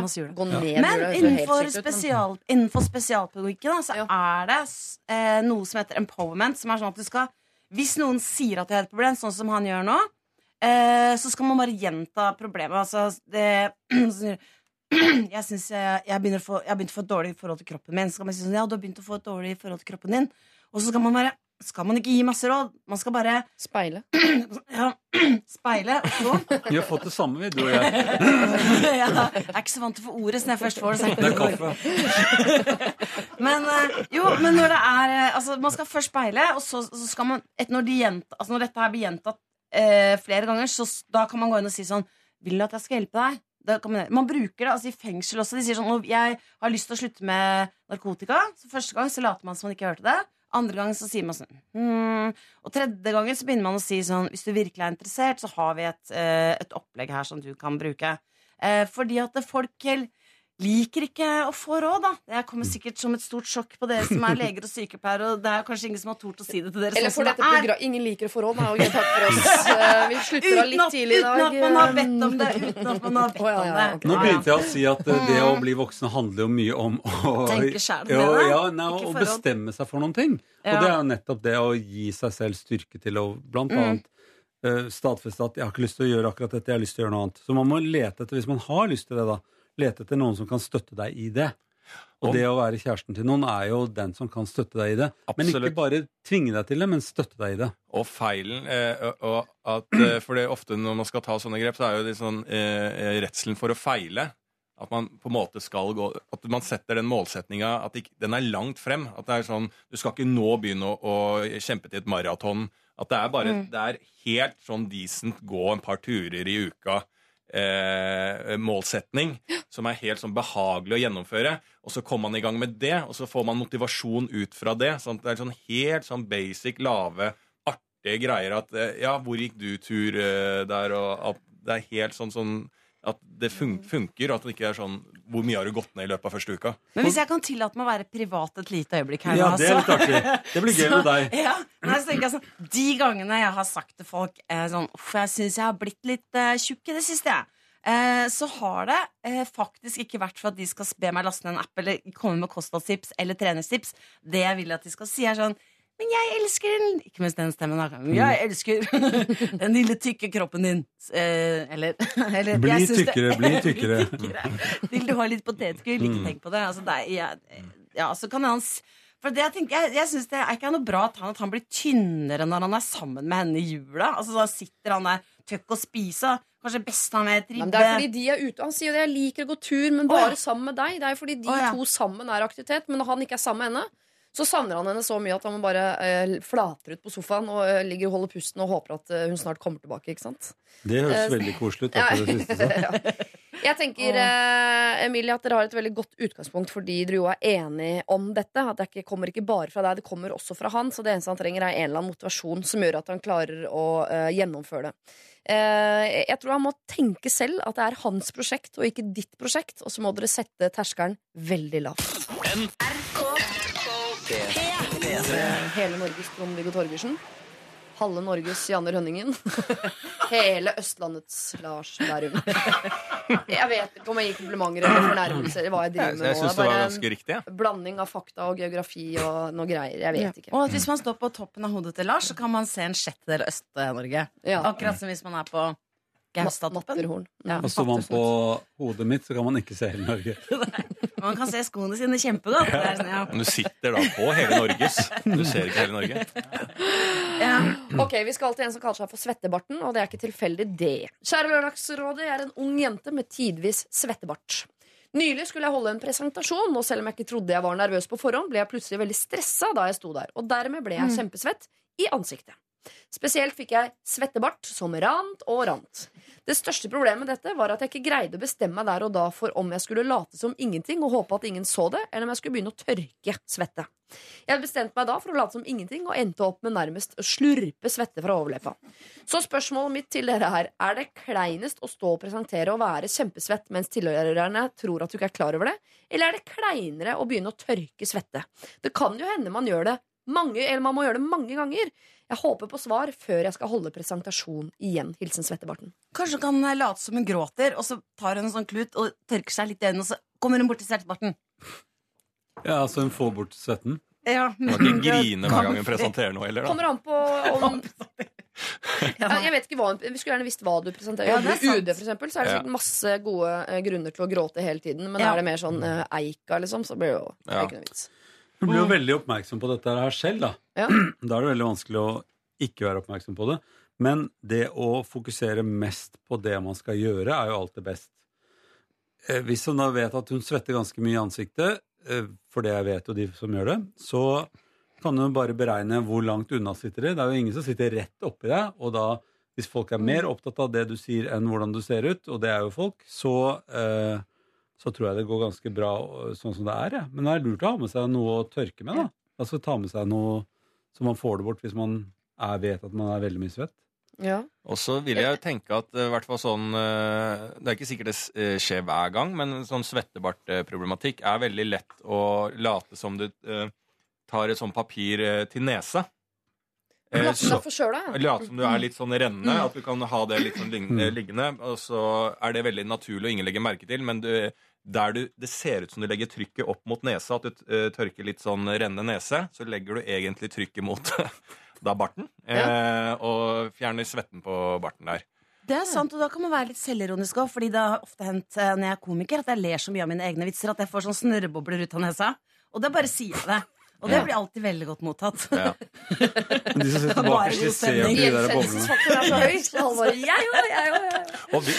Og, du, du kommer, det kan jeg jo si eh, med erfaring fra å stå på scenen og presentere ting sjøl, som Mm. du sier også. eh, du kommer aldri dårlig ut av, noen, eh, av det ved å si eh, hvis du har papir, beklager, jeg bare får alltid så mye svettebart når jeg Mm. skal holde et innlegg. Da vil du få latter. Du vil vise menneskelighet for alle de som sitter i salen der. Har kanskje ikke eh, sliter med svettebart, men sliter med andre typer ting av den i samme skala for seg sjøl, og det at du sier det, vil du eh, få de nærmere og mer på nett, og at de faktisk hører mer på den presentasjonen. Så hvis du er selger, Mm. så er jo det et kjempetriks, for da vil jo de bare Å, hun var jo så varm. Eh, og personlig at dette produktet vil jeg Hvis ikke det handler om å motvirke svettebart, selvfølgelig, det produktet. Men uh, hvis det er et annet produkt, da, så vil ville jeg de kjøpt det. produktene. De andre fire produktene ute på markedet. Jo, men Hvis hun tar og tørker seg en sånn kjapp runde i ansiktet med en liten håndduk som ligger ved siden av og skylder på engasjement Herregud, blir så engasjert. Og så At går du jeg må tørke bort engasjementet mitt? Ja, jeg blir så engasjert, du å svette, blir så engasjert. i Ja. Sånn, ja. fordi Da må jeg nesten se den stilen hun hvis det, det kommer an på om hun er engasjert på scenen. At hvis det er helt rolig og sånn, så bare en, et håndkle ved siden av som en bokser og bare tar i trynet 'Beklager, jeg er veldig engasjert her nå'. Men det går Jeg lurer på hvor mye tid hun har til, til akkurat det, det poenget ved å gjøre presentasjonen sin. For det kan godt tenkes at eh, hvis hun bare sier eh, jeg, eh, Har jeg svettebart nå for at jeg svetter så mye når jeg presenterer, for jeg er litt sånn engstelig på forhånd? Ja. Så kan jo folk si nei, nei, nei, det går fint. Eller si eh, det, ja, tørt, tørk det bort. Ja. Trenger du noe papir, så har du det her. Ja, for hvis, hun tar brod, hvis hun tar broddbadet på Ja. så neste gang, så antakelig så svetter hun ikke. Nei. Nei. Og hun vinner så- så mye blant sine lyttere på Mm. å ta brodden av det. Og det er sånn at alt du øver på, det blir du bedre til. Mm. Det er jo sånn Du skal alltid få sympati i begynnelsen. Eh, når du gjør standup og alt sånn, så er det eh, Mange mener det, da. Jeg sier ikke at jeg har greid det alle gangene. Der har du Men- litt å jobbe med, Ja, er det- mye å jobbe med. Men man skaper litt sånn sympati i begynnelsen, og det gjør man ofte ved sånne type ting, å påpeke, påpeke litt sånn eh, ting med seg sjæl. Eh, da en, eh, jeg svetter litt, og jeg blir litt sånn engstelig når jeg skal ha presentasjon. men Ja, jeg bare ett øyenbryn eller eh, ja, ja. Ja. Så, da, eh, så du vinner på å si det, Ja. og det er ikke noe flaut å si det. Så det vi gir som råd her, er egentlig eh, ta brodden av barten. Eh, kommenter det på en eller annen måte som passer inn i din stil å presentere på. Og så er vi sikre på at du får sympati, og kanskje vips, så er hele problemet borte. Dette er Lørdagsrådet På P3. P3. For ca. et halvt år siden så spurte tanten til faren min mens vi var i min bestefars fødselsdag, om jeg og min søster kunne servere i hennes sønns bryllup. Ok, da Kan du er begynne på ja, ja, tar det fra toppen. Ja. Eh, det har ikke så mye å si, men jeg kan ta det fra toppen. For ca. et halvt år siden spurte tanten til faren min mens vi var i min bestefars fødselsdag, om jeg og min søster kunne servere i hennes sønns bryllup. Ikke sant? Vi følte ikke Ja, det Ja, vi- er hvis- er det? Nei, det er ikke så farlig, Nei, okay. men de er i familie, og det er ganske store avstander. Altså, det, de er ikke liksom, ja. Vi følte ikke at vi kunne skape sur stemning, og sa dermed ja, eh, noe motvillig. Vi fikk beskjed om at det kun var middag vi skulle servere, og hørte ikke noe mer, ikke før i dag. Nå fikk vi beskjed om å møte fredag kveld for instruksjoner, og at vi skal servere fra 12 til kaffen er ferdig, ca. 20. Vi har ellers veldig lite å gjøre med denne siden av familien, og jeg har lyst til å si fra at det er ikke greit. Selv er jeg 30 år, og søsteren min er 27. Bruker man ikke venner av brudepar eller noe sånt til sånne ting? Skal jeg si fra? Hvordan? Hilsen Gunda. Si fra til hvem? Hvem? Skal hun si fra til det, tanta til faren sin? At Tante. nei, vi kan ikke eh, servere fra tolv til 12 til 8 i bryllupet til sønnen din. Tanta til faren. Tanta til faren, er det firmenning eller noe sånt? Det er, det er, det er noe sånn Hvorfor må hun føle så familiebånd til dette at hun må si ja? Er det Det må hun ikke, men hun gjorde jo det. da, ikke sant? Ja. Så hun har jo på en måte sagt ja, men hun hadde ikke sagt ja til eh, Det er fra tolv til åtte. Det er en hel dag. Ja. For å servere hos noen du egentlig Men da kan man jo bare si til dem at Vet du hva, det har ikke jeg tid til så mye. Jeg kan ikke gjøre det så lenge. Ja, skal bare si eh, nå så tett opp mot å Ja, det er liksom sånn skape trøbbel. Ja, hun har driti seg ut, Ja. og noe må tas på eh, eh, hennes. Det er en henne. Ja. Mm. Hennes regning her, fordi at du eh, var Det er en bryllupsmiddag, var det ikke det? Jo. Jeg har ikke fått meg noen ting. jo, jo, men det er en bryllupsmiddag. Du da. Ja, servering, da. Ja, det er Norge vi snakker om. skriftlig ute på Facebook for de som vil gå inn og sjekke hva Hun trenger råd, ikke sant? Det var det.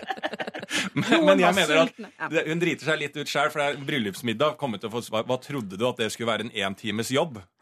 Om ikke fra tolv. Jo, altså en bryllupsmiddag er jo så lang. Det må jo, du må jo komme dit, eh, få beskjed om hvordan Det er jo en liten innføring i en, en bryllupsmiddag, som oftest, da. Ja. Eh, og det er jo greit nok at ikke hun tenkte på. Og det er jo greit nok at ah, den kommer i trynet. Det er kjedelig.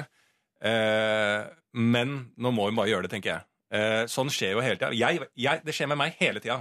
Eh, eh, kan jeg, hvis det er Hva, serverer du bryllup fra tolv til 20 hele tida? Hver fredag. Og jeg har aldri lyst. Nei, jeg, sier ja, og så ender det bare sånn Å, herregud, det her var jo dette Å, helvete, må jeg reise dit og gjøre det? Tenkte du det, Dag morges? Når du kom på at du skulle hit? Nei, Nei. faktisk, dette visste jeg, og det gleder jeg meg veldig til. Eh, Men at jeg eh, kommer i sånne situasjoner, og da må man liksom tenke eh, OK, jeg driter meg ut, da må jeg bare gjøre det, og alt kan jo ikke på en måte være gøy hele tida heller. Tenk, I hvert fall eh, trøster jeg meg sjæl med.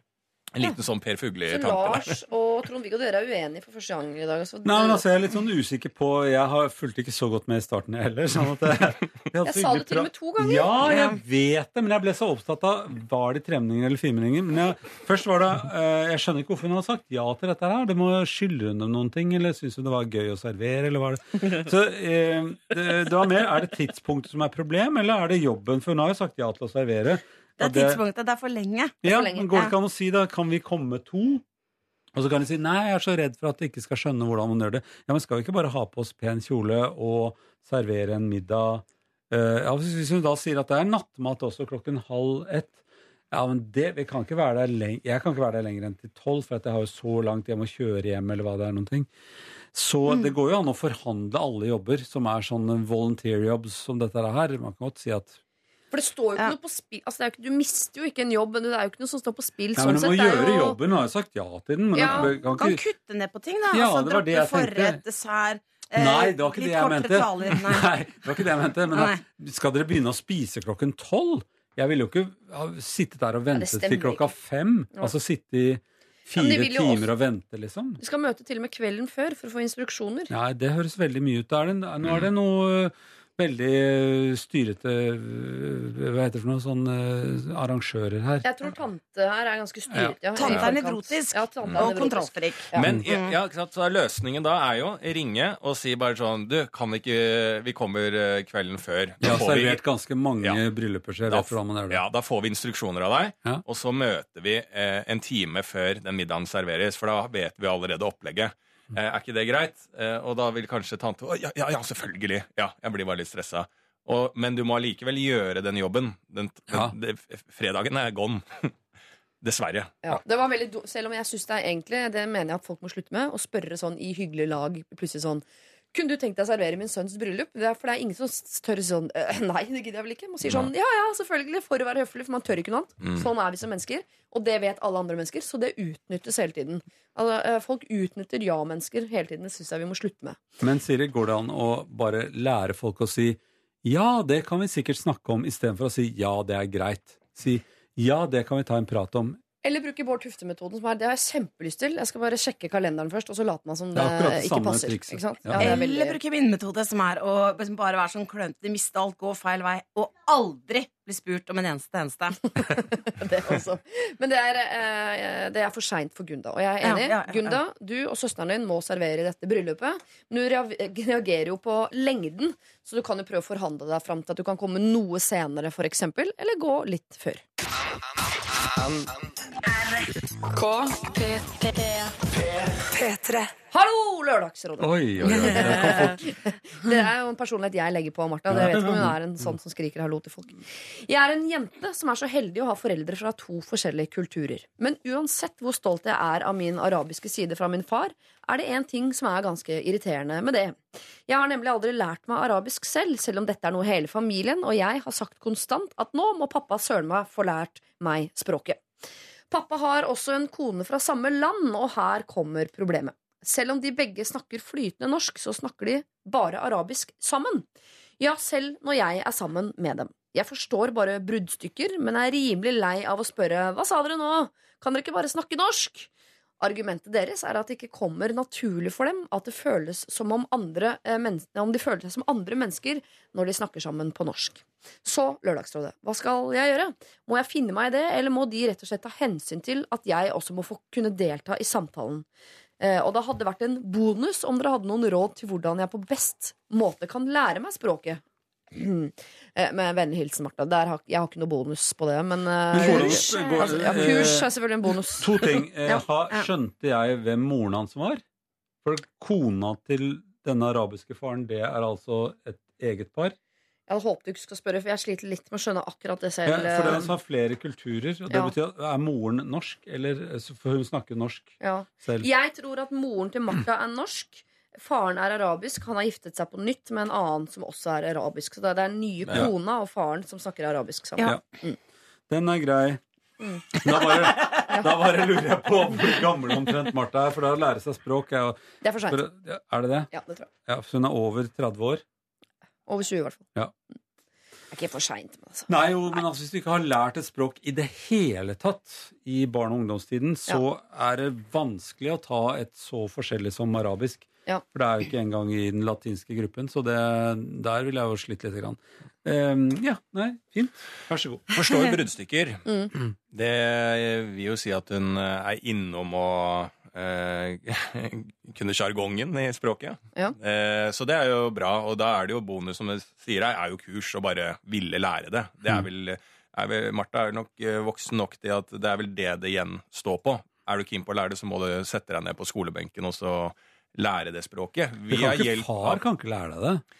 Nei, men da tenkte jeg at dette her kan jo Hvis hun da bruker den situasjonen eh, eh, best mulig nå, så bestemmer hun seg Ok, nå skal jeg lære det språket her eh, noenlunde, sånn at jeg får det litt bedre. Eh, inne, jeg, ikke helt flytende, men liksom nå skal jeg ut og lære dette språket. Gå på kurs. Uten å Eh, si noe. Uh, ja, men jeg kan, godt jeg kan godt si det. Gå på kurs. For da er det veldig positivt at de snakker språket uh, arabisk hjemme i stua der. For da vil jo hun hele tida måtte prøve å melde seg på dette og tar det som læring. Mm. Og da kan de fortsette å gjøre det. Eh, ved at hun også får læring av å lære dette språket. Og så Mm. er det en vinn-vinn-situasjon. Så trenger hun ikke å si at de skal snakke norsk. For da er det bare eh, For da til slutt så kan hun da være med og snakke arabisk der. Og så bruke det som læring hele veien. Det fine der er at jeg kan bare si, Martha er 17 år. Det fine der er at hun løser problemet hos seg istedenfor å be noen andre løse sitt Ikke sant? problem. Ja. Mm, for de Jeg syns det er ikke- beste rådet jeg har gitt. Ja. Ja, Jeg ja. er fornøyd med meg sjæl. Jeg De ikke som ikke er her, får vi ikke gjort noe med, som man pleier å si i gruppeterapi. Men, eh, men eh, jeg tenker også de sier at de føler seg som noen andre når de, eh, Ja. eh, når de snakker arabisk. Det, altså, Når de snakker da- norsk. Jo. Når de snakker norsk, ja. Ja. Altså, Ja. De føler seg selv når de snakker arabisk, og som noen andre når de snakker norsk. Men Ja. da tenker jeg, da kan jo Altså, jeg, jeg er med på kurs. Altså, jeg, jeg har ikke noe imot kurs. Men hvis hun ikke har tid til å gå på kurs, så tenker jeg hva om eh, de snakker engelsk? Så føler ingen av dem seg som seg selv, og så begynner de på en måte på nytt et annet sted. Men dette, er- vi snakker om en mann og en kone, og de må jo kunne snakke det de snakker sammen når de skal si ting til hverandre. Så jeg heller nok på når hun er blitt 17 år uh, istedenfor 30, som jeg trodde, så da, da er det godt innenfor å kunne lære seg et annet språk, altså. Og Det er ikke sikkert Martha vil vite hva de snakker om heller. Kanskje de er kinky folk, liksom? Eller? Nei, hemmelig, nei, det er ikke det. Hemmelig. Nei, det er ikke det. Jeg tror det er det at de, de føler at de skal si ting, og de snakker ikke så godt norsk. Og så vil hun da Hun snakker godt norsk selv, men hun, hvis hun lærer seg mer arabisk Altså, jeg har jo De snakker flytende norsk, begge to, står det her. Oh, ja. Ja, ja. Fly. Men de føler seg ikke som Mm. seg selv. Mm. Nei, det, nei, det kommer flere faktorer inn her etter hvert som vi snakker. Mm. Jeg, jeg har jo Det er jo en gave å lære seg et språk til. Altså, jeg har lært så dårlig fransk da jeg gikk på skolen, men nå har jeg tatt franskkurs og sånt noe fordi at jeg skal ha mer med Frankrike å gjøre. Jeg har ingen hobbyer, sa du i stad. Ja, men det er ikke en hobby. Hva er det Dette da? er, det er mer en jobb. er et yrke. Ja, du tar en jobb, og ja, å gå på klatrekurs er ikke en hobby, det er å lære seg å klatre. Ok, da må vi ta en runde på ja, ok, For da, da ja. har jeg noen hobbyer, faktisk. Nei, jeg Det var synes ingen det som er viste likevel. meg hvordan man skulle bruke den kanoen, så da er det hobby. Men hvis du hadde vist meg det, da er det kurs. Altså, Men det jeg er- synes eh, at hennes gave til sin far vil jo kunne være å lære litt arabisk. Ja. Eh, og, og hun har god tid, hun er 17 år, og det, jeg, det er jo utrolig kult å være voksen og kunne litt arabisk. Hjelpe meg. Mm. Hvor langt kommer du ikke med det? Jeg tenker, Min første tanke var sånn respektløst at de driver og snakker eh, når det er et menneske i rommet som ikke skjønner hva de snakker. Sånn litt respekt. Men faktisk så mener jeg at det er veldig mye lettere Martha, hvis du eh, endrer noe hos deg for å løse problemet, enn å sitte og håpe at to gamliser skal endre noe hos seg for å løse ditt problem. For det, beklager, Uansett hvor gode råd vi her i Lørdagsrådet måtte kunne komme til å gi, så, så fins ikke en løsning som gjør at pappaen din plutselig begynner å snakke norsk med Men kona si. Men gamlis, det reagerte jeg på. Ja, men det er jo faktaopplysning, da. Det beklager jeg.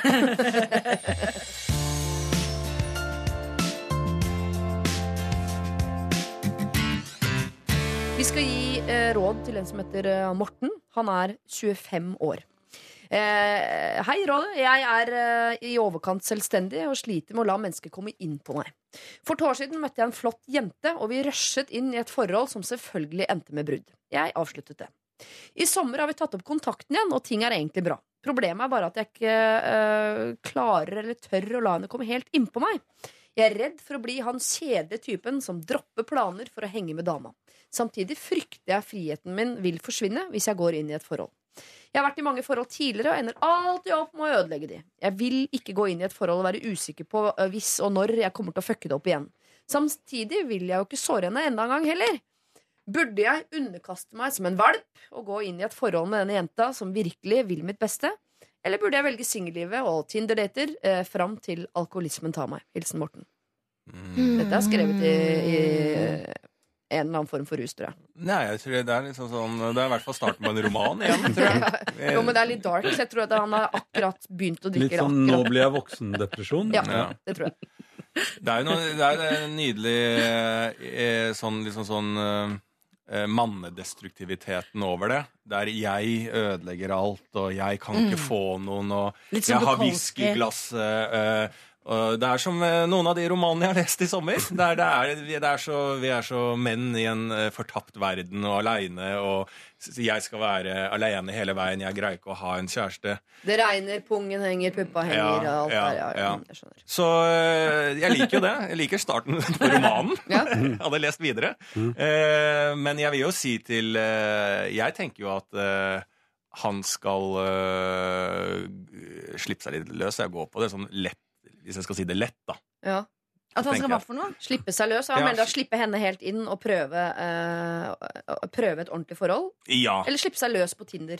Nei, slippe seg løs i det forholdet og Ja. prøve. For det er jo ikke noe grunn til at han skal gjøre det som de andre forholdene ødelegger. Nå vet jeg ikke hva han har ødelagt det med. Da. At han ikke greier å binde seg og eh, har vært utro. Jeg vet ikke hva, hva slags stil det er. Men her, ingen forhold er jo like, sånn sett. Så han må jo, uh, for å prøve, så tror jeg man må senke garden litt og bare uh, gønne på. Det er ikke så farlig å si flaue ting, vise alle sider med personen.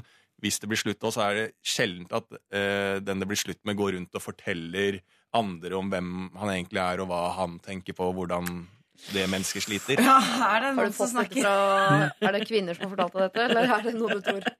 Nei, At vi ikke- Snakke med en voksen, mann, det er jo det som Altså, Ja, du mener at folk snakker eh, altså, ah, Ja, ja, men hvis, du, hvis du, en venninne hadde sagt til deg eh, ja, Eksen min han var veldig sånn eh, sår og eh, sleit med å sove og, og eh, hadde litt sånn angst og sånn. Hvis du forteller det til en venninne, da, Ja. Ja. så er det jo OK, så forteller du det til en venninne, men det er aldri sånn What?! Det her er jo helt sykt! Det her, skal, det her lever jeg, og det, det Altså, det er informasjon, men det er jo ikke noe forferdelig informasjon. Det blir jo ikke, Da er det jo dere, da, som er forferdelige. Men det er den koselige måten å si det på. Altså, han slet med å sove. Eh, altså? Han var litt trist. Jeg bare beskrev meg sjæl nå, jeg. Ja, ja, da, men da trer jo folk støttende til. Men hvis man Det er jo ofte sånn ja, Nå som det er slutt, så er det sånn Vi fikk aldri sove! Og begynner å klage. Og venninnen går og henter melk og kake og håper at det aldri tar slutt, denne baksnakkingen. Ja. Det er jo litt sånn. Men nå er vi på Ja. eh, langt ute på et jorde som sikkert ja, er i samme fylke som der Morten eh, er. Men det, eh, han lurer på om han skal hoppe i det, bli sammen med den jenta, eller om han skal gå videre nok en gang. Han er redd for å bli kjedelig, han er redd for å miste frihet. Han er redd for å slippe det helt innpå. Jeg Skal han syns allikevel jeg syns ikke han skal gå inn i det.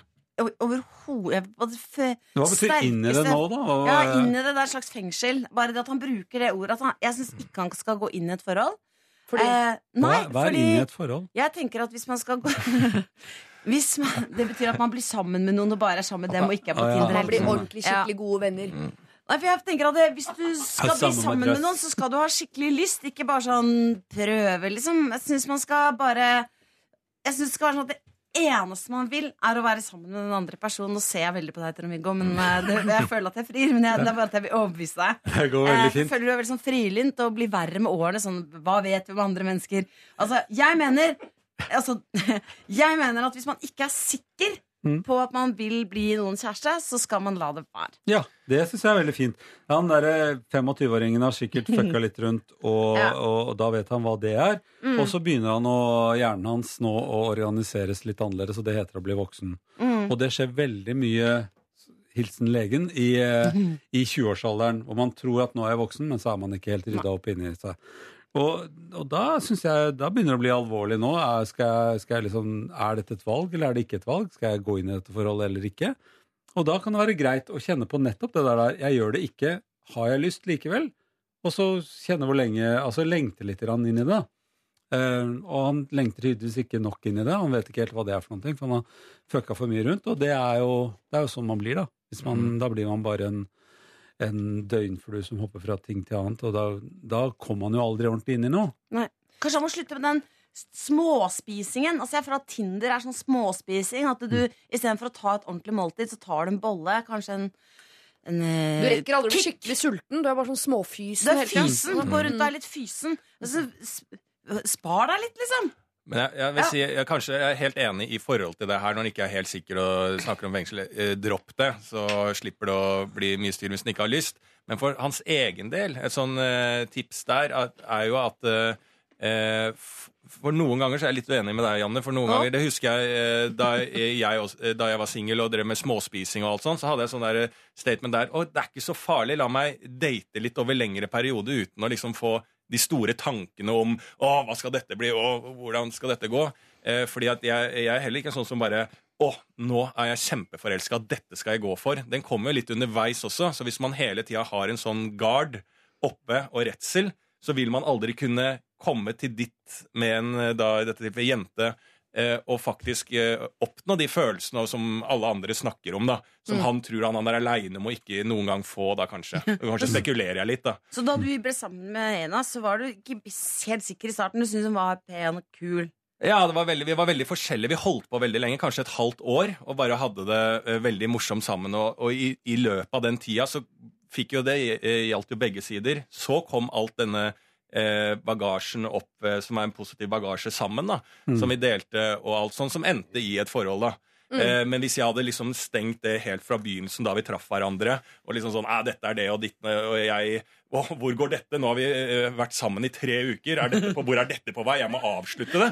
Eh, det er, mange ganger så er det sånn urasjonelle tanker som kommer inn, men hold det litt lenger, og, og ikke gjør det til så stor greie. Så, etter en, eh, så holdt dere på i tre måneder, da, hadde det gøy, men fant ut dette funker ikke. Eh, ikke hast inn i forhold, men man kan holde på litt eh, eksklusivt sammen litt lenger. Eh, og så ta en eh, vurdering der, derfra.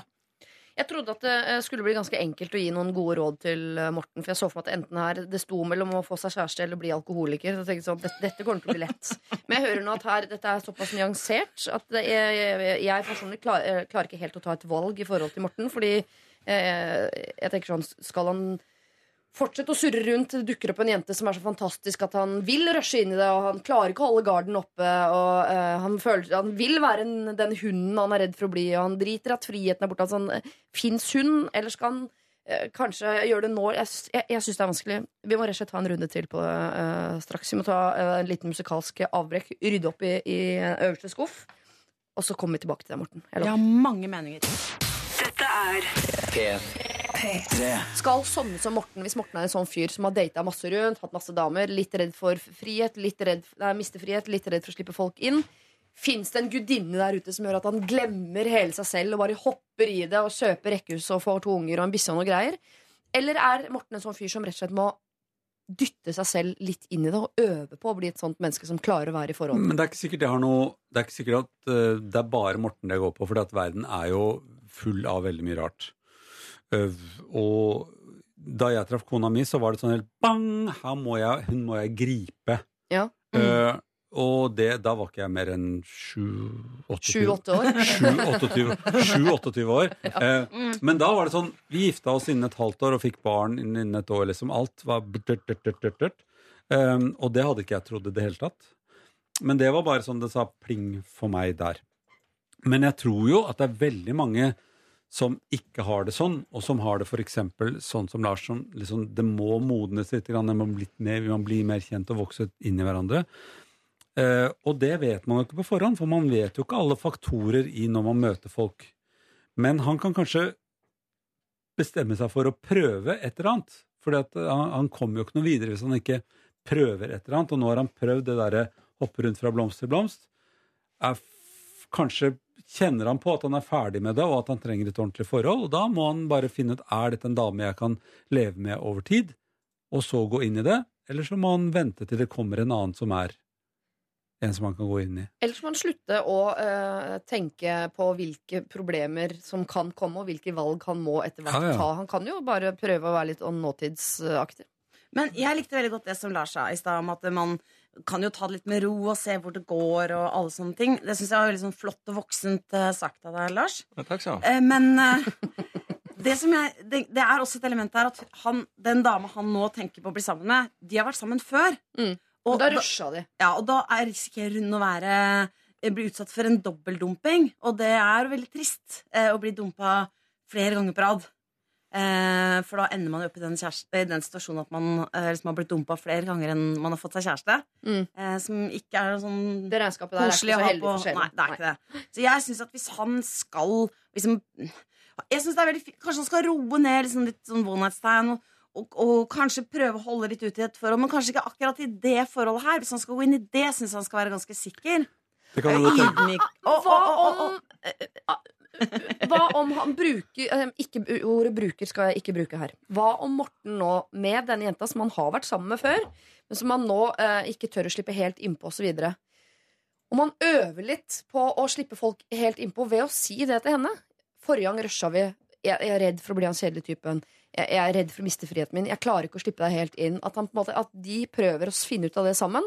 Og i hele den elevøvelsen der så vil jo enten vokse sammen eller fra hverandre. men er For han det, trenger jo å øve på å bli en fyr som kan slippe folk innpå seg. Det vil jo han tjene på på sikt. men det er så uromantisk. Det er liksom det er ikke sånn jeg har lyst til å starte et forhold. Jeg har ikke lyst til at det skal være sånn Å, kan vi ikke prøve å se hvor dette skal gå? Hva er det du holdt på med nå på den madrassen din? Eh, Begge ruller ned på midten og bare sover litt sammen? Det er akkurat det, Trond-Viggo. De ruller ned på midten. Det er en sprekk der. Jeg trenger Ja. ikke være redd for å bli avvist eller være klengete, fordi det er en V-seng. Ja. Så det er liksom sånn, det er ingen som skal si sånn du ligger oppå meg. Det er uri fordi det går ikke an å ligge langt fra hverandre. Men jeg, nei, men jeg Ja, men det er annerledes. Jeg er voksen. Ja, ja, ja. Han er jeg- bare 25 eller noe. Ja. Ja. Men jeg, kan si, eh, jeg kjenner jo meg veldig igjen i sånn tankemønsteret hans. da eh, Og som vi, snakka litt da, da jeg traff eh, min kjæreste, så var jeg, hadde jeg veldig mye sånne eh, eh, rare ting med meg. Eh, av tanker om at jeg alltid skal være singel. Jeg kommer aldri til å finne noen. Du ville ikke underkaste deg som en valp. Jeg, jeg- underkaster meg som en valp. Alt dette her åpner meg, og liksom, jeg kan ikke ligge i sånn eh, og klemme i seng. Altså, jeg liksom sånn øh, Var en sånn på en måte fyr og hadde øh, romantiserte litt de tankene om meg sjæl, på en måte. Eh, eh, men det var jeg litt sånn ærlig med til uh, min kjæreste Ena. Og, uh, og som du var inne på, da, så likte jeg veldig godt det rådet. da Å si det, at jeg sist gang vi rusha inn i noe, det gikk litt sånn kjapt. Jeg sleit litt dette her med, med, med grunnlag om at han ønsker å gå inn i det forholdet der. Da. Det må jo uh, være uh, Men kanskje han kan til og med si det. Jeg vet ikke hva jeg vil engang. Så Ja. hun kan ta det valget på. Hvis ikke Ja. du vet om du vil bli sammen med meg, så orker ikke jeg orker ikke dobbeltdumping. Men det handler Så om nettopp om å bli litt voksen, det å tørre å si ting om seg selv. Og det å bruke språk og det å snakke om seg selv er en vei inn i nettopp det å bli voksen. Og da har han allerede senka garden, og Mm. ved at han sier det, så er han ikke så eh, introvert, da. Veldig attraktiv. Og så kan du lage en, eh, så kan du lage en sånn V-seng, sånn at du ruller ned på midten og kan skylde på senga og ikke på hverandre når det blir eh, for nært. Morten, dette er en del av det å bli eh, voksen. Se på det som en øvelse i å slippe folk helt innpå. Dette er Lørdagsrådet på P3. P3. Jesper Jenseth, eh, eh, heter eh, låta, og Jesper Jenseth er jo da grunnen til at min sønn heter Jesper. Nei da. Kaller opp barna dine etter folk fra Idol. Det er gøy. Eh, men en herlig liten karamell av et menneske, dette Jesper Jenseth, altså.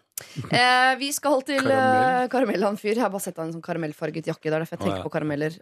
Og han selv om Det høres pedofilt ut i og med at han er tolv år, eller hva det nå måtte være. Mm. Ok, vi går videre, gjør vi ikke det, da? Lars lurt. Berrum, Janne Rønningen og Trond-Viggo Torgersen. Vi skal snakke om røyk.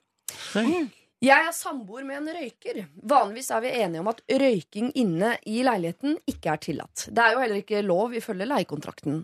Men noen ganger drister samboeren min seg til å spørre om lov til å ta en røyk inne. Jeg prøver å være streng og si nei, men det hender at jeg ikke gidder å ta diskusjonen og lar han ta en sigg inne likevel. På denne måten lærer jeg han jo dessverre at det kan lønne seg å spørre om lov.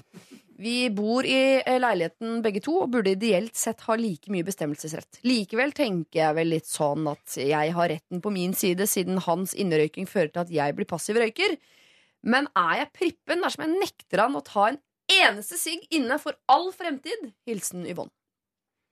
Det syns jeg er det beste spørsmålet vi har fått uh, til nå. Mhm. For det er en ordentlig problemstilling. Altså sånn ha Retten til å puste inn frisk luft og ikke få kreft på den ene siden. Og retten til å kose seg litt og slappe av og ha det godt med seg selv på den Mm. andre. Hva syns du, Trond-Viggo? Røyk, røyk, røyk er dumt. Røyk er forferdelig dumt. Ja, altså, eh, akkurat når det gjelder røyking, så syns jo jeg eh, Jeg har et vanskelig forhold til røyking. Men eh, fordi at jeg syns Ja, hvis de vil det, da, så får de lov å gjøre det. Og selv om det er dumt. Det er jo, jeg har samme forhold til å være kjempe, kjempetjukk. Mm. Uh, uh, sånn at Men det å røyke inni en leilighet hvor det ikke er lov å røyke, eller i det hele tatt røyke inne, det syns jeg nå har vi blitt enige om i dette samfunnet at det er ikke lov å røyke inne. Ikke på toget, ikke på restaurant og sånne ting. Så, og, det, og vi har blitt enige om at man må ha på seg sikkerhetsbelte i vanlig bil. Eh, selv om det er litt vanskelig å få det til på, på, på buss. Men eh, For det er noen busser der, der Det er jo like farlig å sitte på buss som i bil. Så jeg syns jo at Det er gøy å avslutte det. Men Yvonne, jeg syns du skal bruke sikkerhetsbelte også på buss. Nei, jeg syns at, eh, at han derre fyren der skal skjønne at det er hans problem at han røyker inne, Ja. og det må han ordne opp i. At hun får si jeg gidder ikke å si dette til deg mer i vårt forhold, men ikke røyk inne. Punktum. Ikke spør meg om lov. Jeg gidder ikke å ha det dilemmaet. Og så får han liksom vise hvor flink han er til å følge regler. Uh, ja, det Men du er jo antirøyker, antakelig. Nei, sånn jeg, er jeg, jeg, er ikke, jeg er ikke anti Jeg bare syns det er så trist og dumt at det er røyk. Ja. Ja. så jeg, og det der å sitte i vinduet syns jeg bare er dumt. Og det å For at hvis, man må rett og slett gå ut da, hvis man må røyke. Det er som å si Kan ikke jeg få lov å tisse litt på gulvet i leiligheten? da? Nei, ikke gjør det til mitt program. Gå på do og tiss, da. Eller gå ut i haven. Helt det samme. Jeg syns det er det. Nei, ikke Jeg helt syns vi kan ta en dag eh, hvor du og jeg går skjult kamera. Mm. Du spør om å få tisse på gulvet, jeg spør om å få ta en røyk. Ja. Så filmer vi og ser hva blir oppfatta som mest rart. jeg tror at du kommer til å bli den rare da. Det kan jo være et artig rollebytte for oss to, men det, ja. Men Janne, du er jo eh, Du syns Eller du røyker. Eller? Ja. Du er en røykedame. Lars, åssen er det med deg? Nei, men jeg, jeg har tatt Jeg har røyka min ande, liksom. Ja. Men jeg, jeg, jeg røyker ikke røyker ikke. Røyker jo ikke nå. Altså, Nei, vi sitter jo ikke her og røyker. jeg gjør ikke det. Nei. Nei, jeg røyker ikke, jeg heller. Men altså, jeg har ikke noe, at, jeg har ikke noe så veldig eh, problemer med uh, at andre røyker rundt meg. Uh, jeg kan helt fint sitte i en uh, leilighet der det blir røyka og alt sånn. Men jeg hadde vel hatt problemer hvis dama mi røyka inne. Fordi det setter seg i så mye ting. Da. Det er det som er kjedelig. Men hadde røyken bare vært der de fem minuttene, Ja. eh, og, og vært gone, så hadde jeg ikke hatt noe problemer med det. Men det, det setter seg så mye i klærne, og man får litt sånn sånn derre jeg forbinder ikke det med en hjemmefølelse. Eh, det er jo noen som gjør det, som har vokst opp med foreldre som røyker inne. er jo liksom sånn, å, hjem, barndom, Hvis det har vært en hyggelig barndom, positivt. Eh, eh, men så jeg syns jo det er fordi at du legger et sånn der teppe i leiligheten eh, som eh, er litt fremmed. Og det syns jeg er det man må respektere her da, for han eh, kjæresten. Så jeg kunne helt fint eh, vært med på en nulltoleranse med røyking inne. Ja. Jeg skal spørre dere en gang til uh, hva dere mener at Yvonne skal gjøre. Men først skal jeg repetere bare en detalj i oppgaveteksten her. Jeg vet hva du det skal si. er heller ikke lov ifølge leiekontrakten. Jeg bare, nev jeg bare Ja, nevner den. Det fikk vi jo med. Uh, Jeg, jeg er jo fra en tid da både man sa neger, og da man røyket overalt. På flyet, hvor man ville, inne på do. Altså, og jeg har gått med så mye dagen der-på-følelse av å være rusten i halsen. Alt lukter, alle klærne jeg hadde på meg, lukta røyk osv. Så, videre. så jeg tenker sånn, endelig er det kommet litt fornuft inn i vårt samfunn, da. eh, Ved at, at nå røyker vi ute sammen. Hvis noen vil røyke, så gjør vi det ute. Eh, Og jeg har ikke noe problem med at folk røyker rundt meg hvis det er ute. Men jeg syns akkurat det med inni en leilighet, hvor det også er andre å ta hensyn til, og hvor det kan bli barn å ta hensyn til, hvor det er andre i andre leiligheter, og salg av leiligheten osv., så, syns jeg det er nulltoleranse. Punktum. Ferdig med det. Jeg skulle ønske røyk var forbudt. Det er min drøm. At det bare ikke kan å få tak i det. Men blir det ikke det, da? Eller, Ja. altså, kan det Ja, bare ja. bli det? Kan man lage det sjøl? Ja. Men det er, vel, ja, det er jo den utviklinga Jeg er jo enig i det. Det, er jo, det gjelder jo på Du sier jo neger og sånn. Det gjelder jo der òg, liksom. Man Ja. kommer, eh, kommer videre. Ja. Så man sier ikke det. Eh, og så kommer man videre med i forhold til røyk også, at man har begynt å finne ut ah, ja, det skader jo folk rundt òg, det er ikke bare meg. Så kommer man seg videre. og respekterer de andre. På en måte Kan ikke ta en snus da, når den er inne eh, i de mellomsjiktene. Også en gang imellom der, hvis han er sånn nei, nei! nei. Nei, nei fordi dette, og det sier jeg bare eh, Det er liksom barneoppdragelsegreier. For det Yvonne, nemlig, Yvonne har skutt seg selv i foten her. Fordi idet hun innimellom sier ja, så betyr det at når hun sier nei, så man må spørre flere ganger. For nei blir innimellom til ja, bare man spør mange nok ganger. ja. Og da er det helt ute å kjøre. Så enten er det nei, eller så er det ja til røyking Men- i leiligheten. Med en gang hun sier ja, en gang Mm, men jeg driter i den leiekontrakten. Altså, du, du fester jo Vi eh, eh, hadde det så hyggelig, så vi var bråka etter klokka 11, selv om det står i leiekontrakten at det skal ikke være brå, støy etter det. Så det driter jeg men det er jo litt sånn respekt. Så si nei. Man røyker ikke inne i leiligheten. Ja. Eh, eh, og nei, man sier ikke neger. Men jeg tenkte at nei, man tisser ikke på gulvet. Men jeg hadde et sånt fint øyeblikk hvor jeg tenkte at jeg skulle eh, fullføre setningen til Lars, og så skulle det være det perfekte råd. Liksom, når du sa sånn Kan ikke han heller ta seg en snus? Ja. Så skulle jeg si kan vi, Jeg, Si det en til. ja. så kan ikke han bare ta seg en snus eh, når han har det suget? Og så kan heller hun bli med han ut og holde han med selskap hvis han må eh, ta seg en røyk i ny og ne. Helt enig. Mm. Åh! Du, eh, ja. eh, Eller så kan man gjøre som kongen sa, han måtte slutte å røyke fordi han fikk kreft. Det var forbausende lett å slutte å røyke. Lørdagsrådet På P3. P3 Aurora, I went uh, too far. Og før det Astrid S Hurt So uh, Går det bra, Dr. Jones? Ja, jeg var litt seint ute med knappen. Jeg Seint ute med knappen, som de sier. Dere, vi skal dele ut en uh, kopp. Merk at vi har sittet her noen timer nå. Begynner, kokeren begynner å småputre. merker at du har sittet her noen timer. Jeg satt her i seks timer før dere kom. Vet du, så jeg er klar. Dere skal få lov til å dele ut en kopp til uh, den av probleminnsenderne som har beveget dere mest i dag. Og hva hos dere de har beveget, og hvorfor og hvordan. Det bryr jeg meg ikke om. Uh, men dere må kjenne litt på det når jeg nå går gjennom. Hva med Screwed Sarah, som har jo da holdt på med en fyr i to måneder, og så viser det seg at fyren er gift? Hva med Og du la jo ikke noe føring der. Og det var dobbeltmening i gift der plutselig. Ja. Ja. Eh, Hva med Christian, som jo jobber i matbutikk, eh, og sjefen i matbutikken Nei, butikk, faktisk. Vet ikke om det er matbutikk. Butikk. Hvor eh, sjefen der er en fyr ingen liker. Det ingen vet, er at sjefen er far til Christian. det må han si fram snart. Eller hva med Emilie, da? Som eh, har kjæreste som har veldig dårlige matvaner og er ikke så flink til å holde seg i bevegelse og sånn. Og de er dessverre i et langdistanseforhold, så hun får ikke hjulpet han heller med dette. Hva skal hun gjøre med det? Eller hva med svettebarten, som jo da har problemer med nettopp eh, det. Svettebarten. Eh, bytt navn, først og fremst. Det er mitt første råd. Der. Hva med Gunda, som lurer på om hun må servere eller ikke servere i bryllupet til sønnen til tanta til faren sin?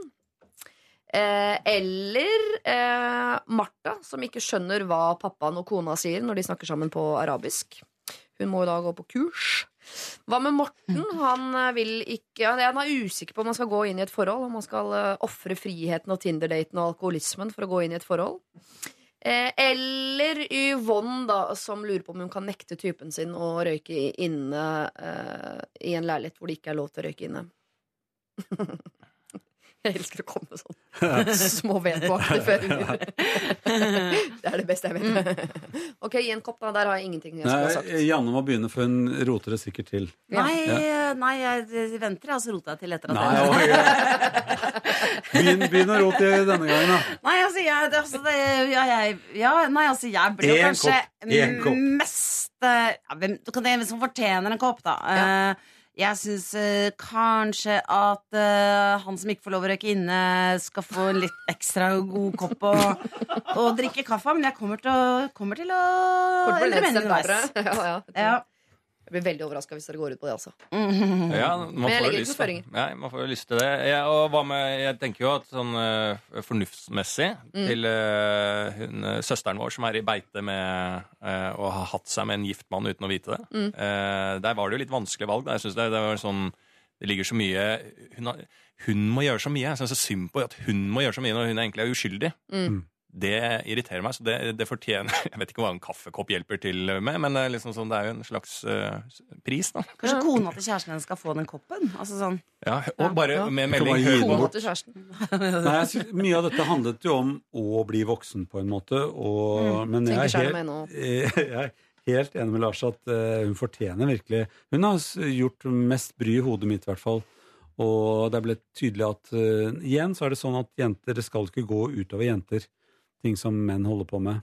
Eh, og igjen syns jeg at hun skulle få en kopp. Screwed Sarah. Ja, absolutt. Syns Er jeg det. du med, Janne, eller syns du fortsatt synd på han som røyker inn i leiligheten hvor det ikke er lov å røyke? Noen må, noen må synes synd på de eh, utstøtte i samfunnet også. Det ble meg denne gangen. Jeg er spesialpedagog, så Utstøtt og utstemt i dette, altså. Det blir kopp til Screwed eh, Sarah. Dette er Dette er P3. Clint Eastwood heter jo den låta her, da. Den er det Gorillas som har laget og fremfører, og i det hele tatt. Um, Lørdagsrådet er vel uh, for så vidt uh, over for i dag. Vi er tilbake neste lørdag. Og lørdagen etter der, lørdagen der, lørdagen mange mange lørdager framover. Så fortsett å sende inn problemet ditt. For det vi ikke rekker i dag, det tar vi med oss uh, videre til en uh, annen anledning. Tusen takk, Lars Berrum, for at du var rådgiver i dag. Takk for å være her. Tusen takk, Janne Rønningen, for at du var rådgiver i dag. veldig koselig for å komme og være til nytte. Tusen takk, Trond-Viggo Torgersen, for at du var rådgiver i dag. Og dette er en avsluttende setning fra meg. Ikke Nei, du har 50 sekunder igjen. Ok, helt greit. Ja. Nei, jeg syns det var veldig fint å være sammen med disse. Ja, da, så det var litt sånn gøy for meg. Ja. Føler du deg over Lars i rang fordi han er sykepleier og du er lege? Nei, overhodet ikke. Har du sett hvor høy han er? Han er stor og sterk. Jeg føler meg liten og gammel under han. Jeg har lengst utdannelse, da. Eller ikke sånn, ikke sånn formelt, da. Men sånn har lest masse Livets harde skole. Vært masse, googla veldig mye. Googla alt mulig. Psykiatri, Så lege, flott. altså alt mulig. Jeg føler meg ikke over deg heller. Altså. Jeg føler meg helt Vi har hele sykehuset her. Lege, sykepleier, pasient har vi hatt på plass her. pasienter. Janne Rønningen har blant annet googlet Men er det skikkelig skikkelig farlig å røyke, liksom? Har du googlet gang? Det har vært veldig veldig hyggelig eh, i dag, alle sammen. Ha en fortreffelig lørdag videre. Dette er er P3. P3.